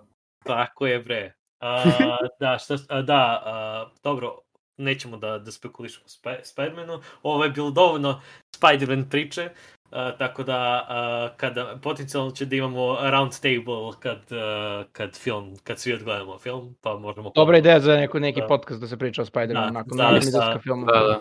To, to, to. Definitivno možda uradimo ponovo special edition uh, Spider-Man, isto kao Arcane. Ovo, a, a Witcher, izlazi isto druga sezona uskoro. Ne znam, A pre, pre nego a, što krenemo za jer će Witcher da bude malo duža tematika, ako neko od vas nije gledao, mega toplo preporučujem novi South Park special, A, gledao sam, da. Odlično. nisam gledao. po, post-covid, fenomenalni. It's Nisam in ja. the future! Da li misliš da će nastaviti da sve bude u budućnosti ili je ovo kao neki Ja, ja mislim da će ovo da bude... šta bi moglo a, da bude? Ja mislim da će ovo da bude ili two off, jer, jer naravno posle prvog dela tizuju nastavak, ali da će da uradi još jedan deo, a da će da, da vrate uh, na mlađu verziju, jer pazi, uh, uh, Matt Stone i Trey Parker kad su pravili South Park još posle prvi tipa dve ili tri sezone su bili u fazonu e, mi hoćemo da napravimo ovo, da nam bude serijal koji će dugo da traje i, i sva- svaka nova sezona oni će da budu godinu dana stariji dok ne dođu do odraslog doba gde će ono da se prisećaju raniji dešavanja itd. itd. 20 godina kasnije, a oni su i dalje četvrti razred. Da. A E, isto kao što su svi Simpsonovi. Simpsonovi, ono, baš sam htio da kažem. Generacijama i... Megi i dalje Da, drži to. cuclu. Da, bukvalno samo se generacije menjaju. A, vreme ide iza njih, pa, a oni samo ostaju paralelno s vremenom isti. A, pazi, At this point is just Eternal. a concept. Eternals, Simpson Eternals. da, a, ja, ja mislim da će da ga vrate opet na mlađe su oni Kingo, samo se reiteriraju. U svakom sledećem filmu. moj, moj deda, moj pradeda, moj čukun čukun deda. Šta je o Jojo Bizarre Adventure nije. Pa, Ali- pa, jedan od Eternala je glumac, Bollywood glumac i onda a, način kako je ostajao hidden da ne bude jeste da je se pretvarao da je samo mlađa, sledeća generacija. Aha, ok. Da, i- Samo sebi sin u sledećoj, ono, i da onda se opet snima filmove isto. U istom Da. liku i da ne stari. Ali da, a, čisto tu wrap up my point, a, vratit će ga jer bi napravili ogromnu marketinšku grešku ako ostare likove. Jeste da mi svi hoćemo da vidimo kako oni izgledaju stari, ali a, brand je South Parka, mi smo deca koja kritikuju trenutnu situaciju i društvo sa iz naše dečije perspektive. Ako su to odrasli ljudi koji kritikuju, gube taj osjećaj za feeling koji su imali na početku. S druge strane, to je slično kao slana plazma. Uh, Slana plazma je najpropaliji Bambijev eksperiment i ljudi, ja recimo volim slanu plazmu, i to je ne. kontroverzno mišljenje, ali a, Lju, neki ljudi vole slonu plazmu, neki ljudi su po, pogrešno Mm. vole. Da, ok, ali generalno je fail marketing jer sve što je prepoznatljivo kod tvog brenda, u ovom slučaju četiri dečaka u školi koje kritikuju društvo, gubiš onde, oni ako nastave da kritikuju društvo, to će da bude isto kao ti ili ja da uzmemo sad i da kažemo, e, situacija je loša. Koga briga šta ti i ja mislimo? Ovo je pitam cela šta fora. deca. Da, Da, nisu više relatable, to je, to je odličan Da. argument. Da, to je odličan point. Slažem se. Da, ali ja koliko znam, South Park je na decline u poslednjih nekoliko godina. Znam pa da mislim i sezone su im sve gore i gore, ali dobro. Da, da, nestali su, ti- mislim kao i Simpsonovi ti Golden Days, što bi ga rekli ljudi. A mislim kad A nešto... i manje epizoda Mislim, iz kad, kad imaš kad 20 godina nešto radiš, ono, i gubiš 20 godina nešto radi. Mislim, isti... Nije mi ne čudi me kako. Svaka im čaša su ovako uopšte uspio da izdrže, mislim, i jedni i drugi. To, i isti, isti decline vidimo sad u Rick and Morty, na primjer. Mislim, Da. polako. Da. To je, Samo što je taj decline kod njih do- došao mnogo brže. pa da. A, ne znam, ali, Rick and Morty je okej, nije ono da ali, ali, ali watchable, ti niti... upoređeno sa prvim sezonama je gore. Pa dobro, I Da budem Jeste. ruku na srce, teško održati taj nivo su Pa da, stvarno, apsolutno. ja mnogo jako prvo, prve dve sezone. To je, a, dolazi za tom teritorijom. Da. o, Ali ali, opet treba znati kada staneš. Ako već nema šta da ponudiš, onda treba završiti nešto, a ne, ne milkovati ga. pa do dobro, beskraja. ali Rick and Morty nije bio toliko dugo tu sad da bi prestao, znaš. ono. Ne oni, ne, ne kažem za njih sad, ali Aha. da. Da. Mislim da i Ovo- oni imaju u sebi možda još sezonu dve i posle toga bih stao. Pa pazi, Seven more seasons, Morty, seven more seasons. se, da, ali Selmur season će glavni argument. S druge strane, znaš ono, a to što je u deklajnu ne znači da treba da ga baciš u đubre. I roditelji Da, ti da. odu u penziju, ali to ne znači da treba da reš lopot. Tako da, Da, da, da, slažem se. Ok. A, dobro. And on that bombshell, već, kad Da. sam već e, kod Rick and Mortija, ovo samo bih preporučio još jednu seriju koja je izašla ove godine na Netflixu, a to je Inside Job. Da, da, bravo. Ta serija je prilično dobra. Uh, radi se o conspiracy theories u Beloj kući. U suštini sve conspiracy theories koje možda osmislite, sve su tačne. I Da. to je glavna premisa serije. Gde da su ptice dronovi. Uh, A, nisu sve. A! Aha! Nisam da nije bila dva. ta epizoda, ali bilo je sve ono kao crop circles, bilo je za Yetija, bilo je kao... Da je predsjednik robot. Da, predsjednik robot, uh, pa odlazak na mesec, što je meni Da. omiljena epizoda u toj sezoni. Da, da, da, da, da. Ne, bukvalno kao imaju kompaniju koje prave sve te stvari, pripremaju kako će na televiziji šta da se prikaže, imaju či, čitave departmane za određene kao postavke tih ovaj, conspiracy theory ovaj, i da sve se to, ovaj, kako se zove, taškava, imaju svoje agente, sjajne, vrlo kreativna, vrlo zabavna animacija je u, u ovom fazonu, kako Da. se zove, I Lighthearted Futurame i tako dalje. do posljednje dve epizode. da, da, onda postaje baš dobro. Tako da, topla preporuka, definitivno. Podgledajte samo prvu, drugu epizodu ako vam se ne sviđa epizoda traje 20 minuta u suštini. Ok. Neće ljudi moći da postignu ovolike serije koliko smo, koje smo im preporučili Pa, danas. je, materijal, materijal sad svaki put kad im treba neka serija vrate nazad se na rijeznicu, pogledaju ponovo ceo podcast i onda čuju, a da, evo ova serija. Da. A, i, a, i, ja, ja moram da, da uradim blagu digresiju, a to je, moje mišljenje nije isto što i mišljenje riznice. Ovo je Nik- affiliated. Krašićevo, Krašićevo mišljenje nikad nije mišljenje. Let me reiterate that. sentence. Uh, A, a, ali šta mislite o konceptu date otkaze, ispišite se s fakulteta i samo gledate stvari i konsumujete mediju, Aha. pogotovo koje mi preporučuju. I kritikujete i to je bitno. Tako je, tako je. Tako je, tako I, je. I imate validan posao kao monitori na Redditu. To je moderatori. I nemate od čega da živite. A, e, Internet fama, internet fama. detalji, detalji, detalji. It's worth it. De, detalji. A, evo, pita, pita vas neko četu da šta mislite o Bođaku. Pošto ja Bođaka nisam gledao jer mi je bilo... Previše- najbolja stvar. Božak, Božak Božak je je među prvih pet serija meni. Da. Definitivno. Do duše ima Ali stvarno momente kad, kad pogotovo u, ovaj, kad si u 20-30 pobava, malo ti stvarno ono, nekad može da ti bude baš depra. Da, Da, da, u neke. serija- Bojack je serija koja nije za svakog. Znači, serija je Da. stvarno dobra i, i to je jedna od retkih gde kako ide sledeća sezona bolje je od prethodne. Jednostavno. Ali Jeste, e, ne mogu da je preporučim svakom, stvarno. Da. A, ja, ja sam svak, ja sam svako. Ok. Znaš kako, na, na prvi pogled delo je jako like, ako gledaš trailer, odnosno ono, samo slike, odnosno kad kreneš da gledaš seriju, delo je kao lighthearted i onda znaš odjednom, samo po, mislim odjednom, ne baš toliko odjednom, ali vrlo brzo postane jako, ono, preispituje neke životne, životne stvari i onda, da, lepo je Đova rekao, nije baš za svakog. Ako A- mogu da napravim paralelu, ako je neko gledao anime Hunter x Hunter, gde je poster za taj anime uh, tri deteta u suštini kao Lighthearted, e pa otprilike tako nešto za Bojacka, gde imate seriju uh, o likovima koji su uh, rađeni po nekim životinjama, znači amorfizovani likovi, ali uh, to je otprilike sve. Ne, biste ništa rekli kao "U, ova serija će da bude nešto vrlo ozbiljno.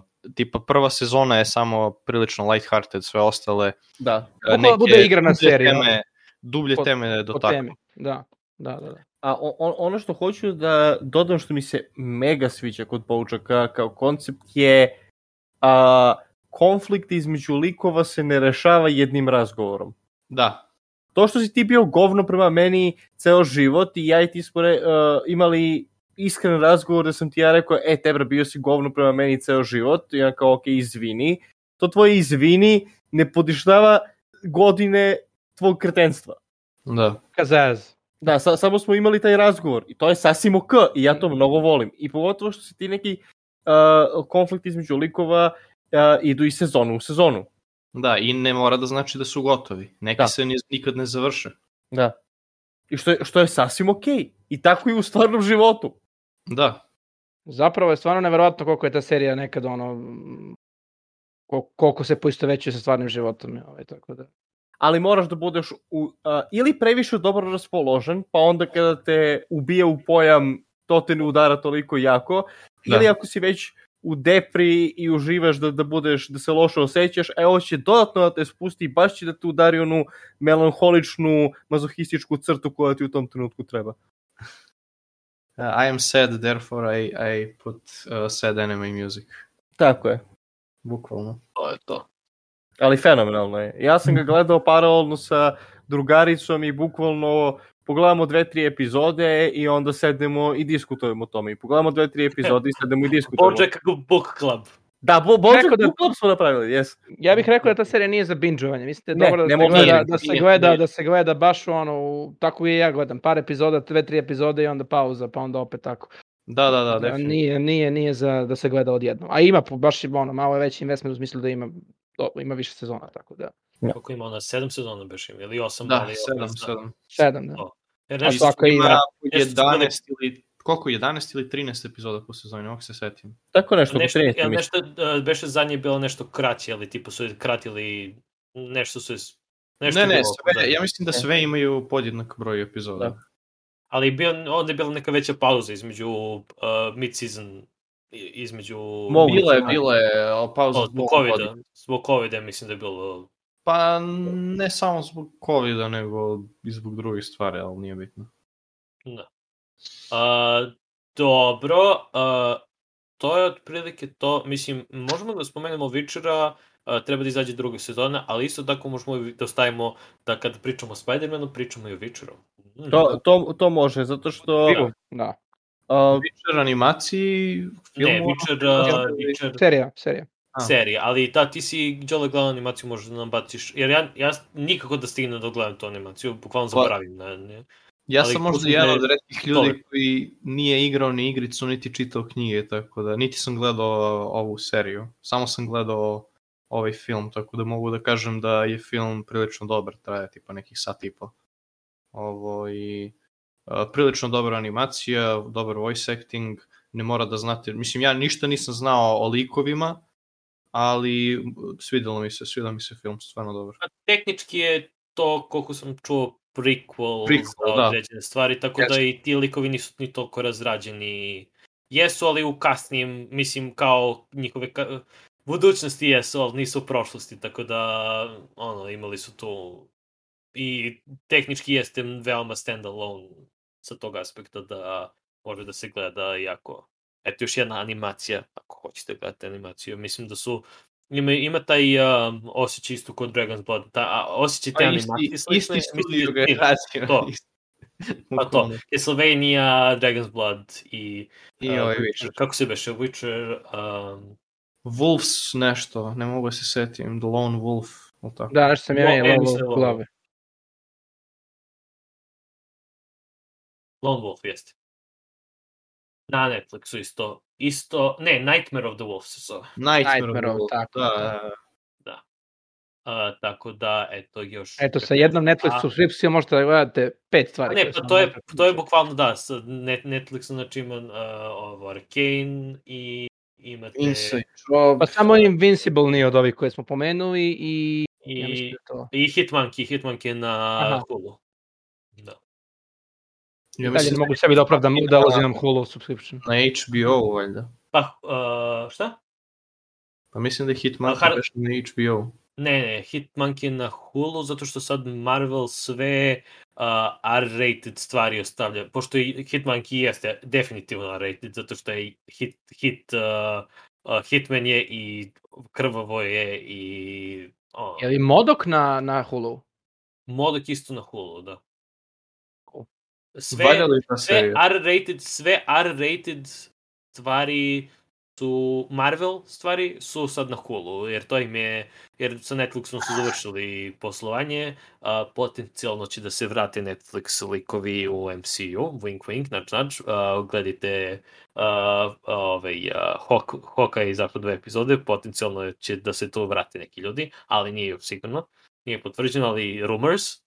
A, ovo, i Uh, šta, uh, Modoka, ja sam Modoka nešto malo gledao, više je, uh, Modok je čisto onaj adult swim humor.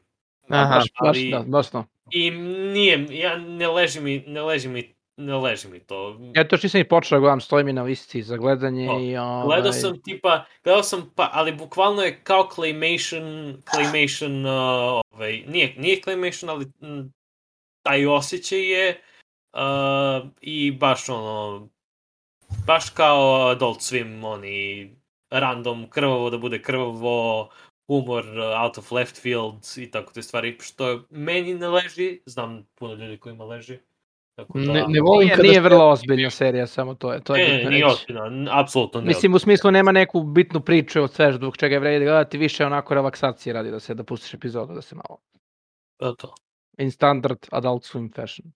Ne volim kada serije imaju out of place neke stvari, tipa mora da bude krvava da bi bila R-rated, pa onda budu neke scene koje apsolutno su nepotrebne, ili tipa kada likovi psuju, pa moraju, ne znam da li znate, ali moraju kao da imaju određeni broj psovki da bi smeli da budu R-rated, pa onda psuju i kad treba i kad ne treba. To, to na primjer, mi smeta dosta. Da, imaju valjda tri, tri po epizodu ili tako nešto, neki limit, tako je za rate, a ako Da. pređe to je rate, tako ne. Ima, ne znam, Amerika i njihovi mm, uh, ratingsi, nebitno. Uh, tako da, uh, da, Witcher izlazi uh, druga sezona decembra sad, uh, ne znam tačno da li su, mislim da su... 17. isto kad i kad je 17., ove. da. Da. Tako da je to biće decembar, to je hol holiday season uh, će da bude pun uh, po novih stvari. Možda A, ćemo stvarno morati to- da uradimo ovo što je Grašić rekao da bismo postigli da gledamo sve to Da. što izlazi. Pa da, mislim, uh, Spider-Man i Witcher, to, to su glavne stvari koje izlaze, nema, nema drugih Pa stvari. dobro, Hoka i dalje traje, to će da izlazi. A, do, do, ja mislim da izlazi baš do, do, do, do tog 17. Da, pa, a Hoka izlazi po epizodu, tako da i bit će koliko, 8 ili 10 epizoda. Ako hoćete da gledate Hoka, gledajte Arrowa. Ne. Ne. Apsolutno ne. A Arrow je trash. Znači, Dobro. Arrow je trash. Arrow, prva sezona je možda worth. Sezona je dobra. Druga jest. sezona do pola, u momentu kad se bije sa Rachel Goldom na planini. Da. Do tad je dobra. Sve posle toga je downhill. Jel govorite o igranoj seriji Arrow?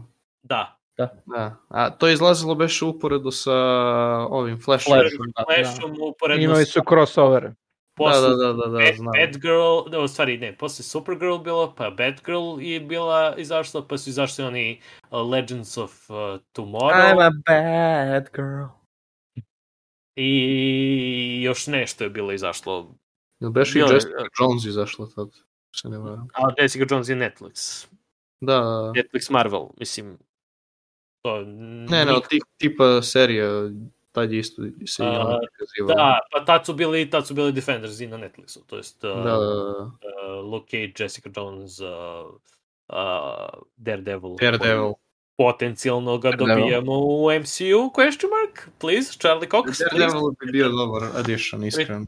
Molim vas, vratite nazad uh, Charlie Cox, uh, thank you very much. Uh, nećemo ništa da pričamo gde potencijalno se vraća, ali ima, ima rumors da možda vrate, Mm. ili njega ili da vrate Vincent D'Onofrio koji je po meni najbolji Kingpin ikad.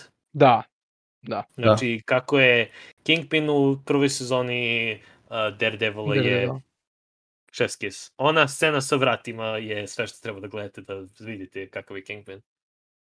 Definitivno. Apsolutno. Tako da uh, imamo, znači, uh, šta smo, Witcher i, i uh, Spidey-a. A, uh, ne, Hawkeye s- prve dve epizode su solidne, Hawkeye, da, eto kažem, ma, malo recenzije za prve dve epizode, ako hoćete da gledate.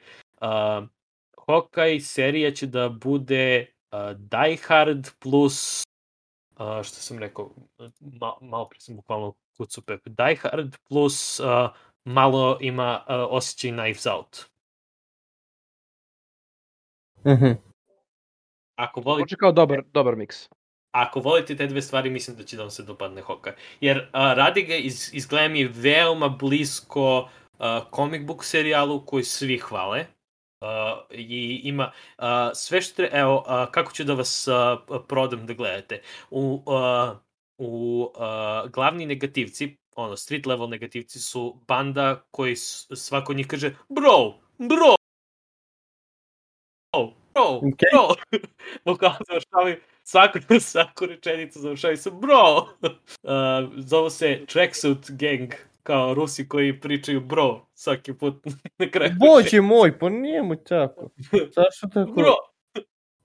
Da, tako da, eto, ako, ako niste do sad hteli da gledate uh, uh, eto. Um, mislim, interesantno je za sad nema mnogo materijala da kažem, a sad ovo će bude fenomenalna, ali neki, uh, mislim, pratim puno o, o Marvel stvarima i svi ovi koji su gledali, koji reaguju na Marvel stvari podcast i to sve što smo svima se dopadaju I, I ako idemo po tome od Disney Plus serije, ovih Marvelovih serija do sad su uglavnom bile dobre, tako da mislim da je to ovaj, Da. dobar... I, i Dobra uh, preporuka. Haley, Steinfeld je super kao uh, Kate Bishop. Baš, baš je dobro, uh, dobar fit za ulogu. Mm. Samo, za, za, sad je, za sad je super, ima, ima, ima malo misterije, ima malo akcije, ima malo komedije, u jednom momentu Hawkeye larpuje, tako da to je sve što, ako hoćete gledate Jeremy Reynolds, uh, Jeremy Reyn, Reyn, Reynolds, šlog. kako, kako uh, larpuje, eto, to je hokeje, kako larpuje. A, I to je to. A, mislim da je to dovoljno za ovo, mislim, tri sata. Yes. A, će do, Please, I need to go to the bathroom. da, ili ima neko nešto još da kaže? Eto, Grašiću, uh, da li imaš nešto još da kažeš? No, I, I, I'm done. I, I've given you my knowledge, you're free to go. Da, to, to je, to je uh, otprilike, otprilike to, ali imate Risto Đole još nešto da spomenete na temu. Zadovoljstvo što sam bio gost na, na podcastu, drago mi, drago mi je što smo se družili, nadam se da ćemo se družiti opet, bilo je baš interesantno i zanimljivo i drago mi je što čuo sam dosta novih stvari koje nisam znao ovde danas, tako da me i za mene ovo bilo vrlo edukativno. Ovaj, emisija. Takođe, Riznic ulepšava živote. takođe. Ne, a, gledajte Arkane, nemojte da igrate igricu. Toliko od mene. Glavni, ako, ako postoji, uh, gla, uh, uh, mislim, epizoda da, da zove Gledi Arcane, ne igraj igricu. A Može. slobodno možda staviš to kao title neki. da, Bukvalno. title, da. Da. Suma sumarum svega. To, suma sumarom, e, glavna stvar gledi Arcane, nemoj da igraš igricu. I uh, mislim da i Lazi Dimitrije, pošto sam i pričao s njima kad, kad je Arcane uh, izašao, uh, su na ist, isto dele, isto dele to. uh, o, Probao sam da igram Vaj, nije zanimljivo. Da.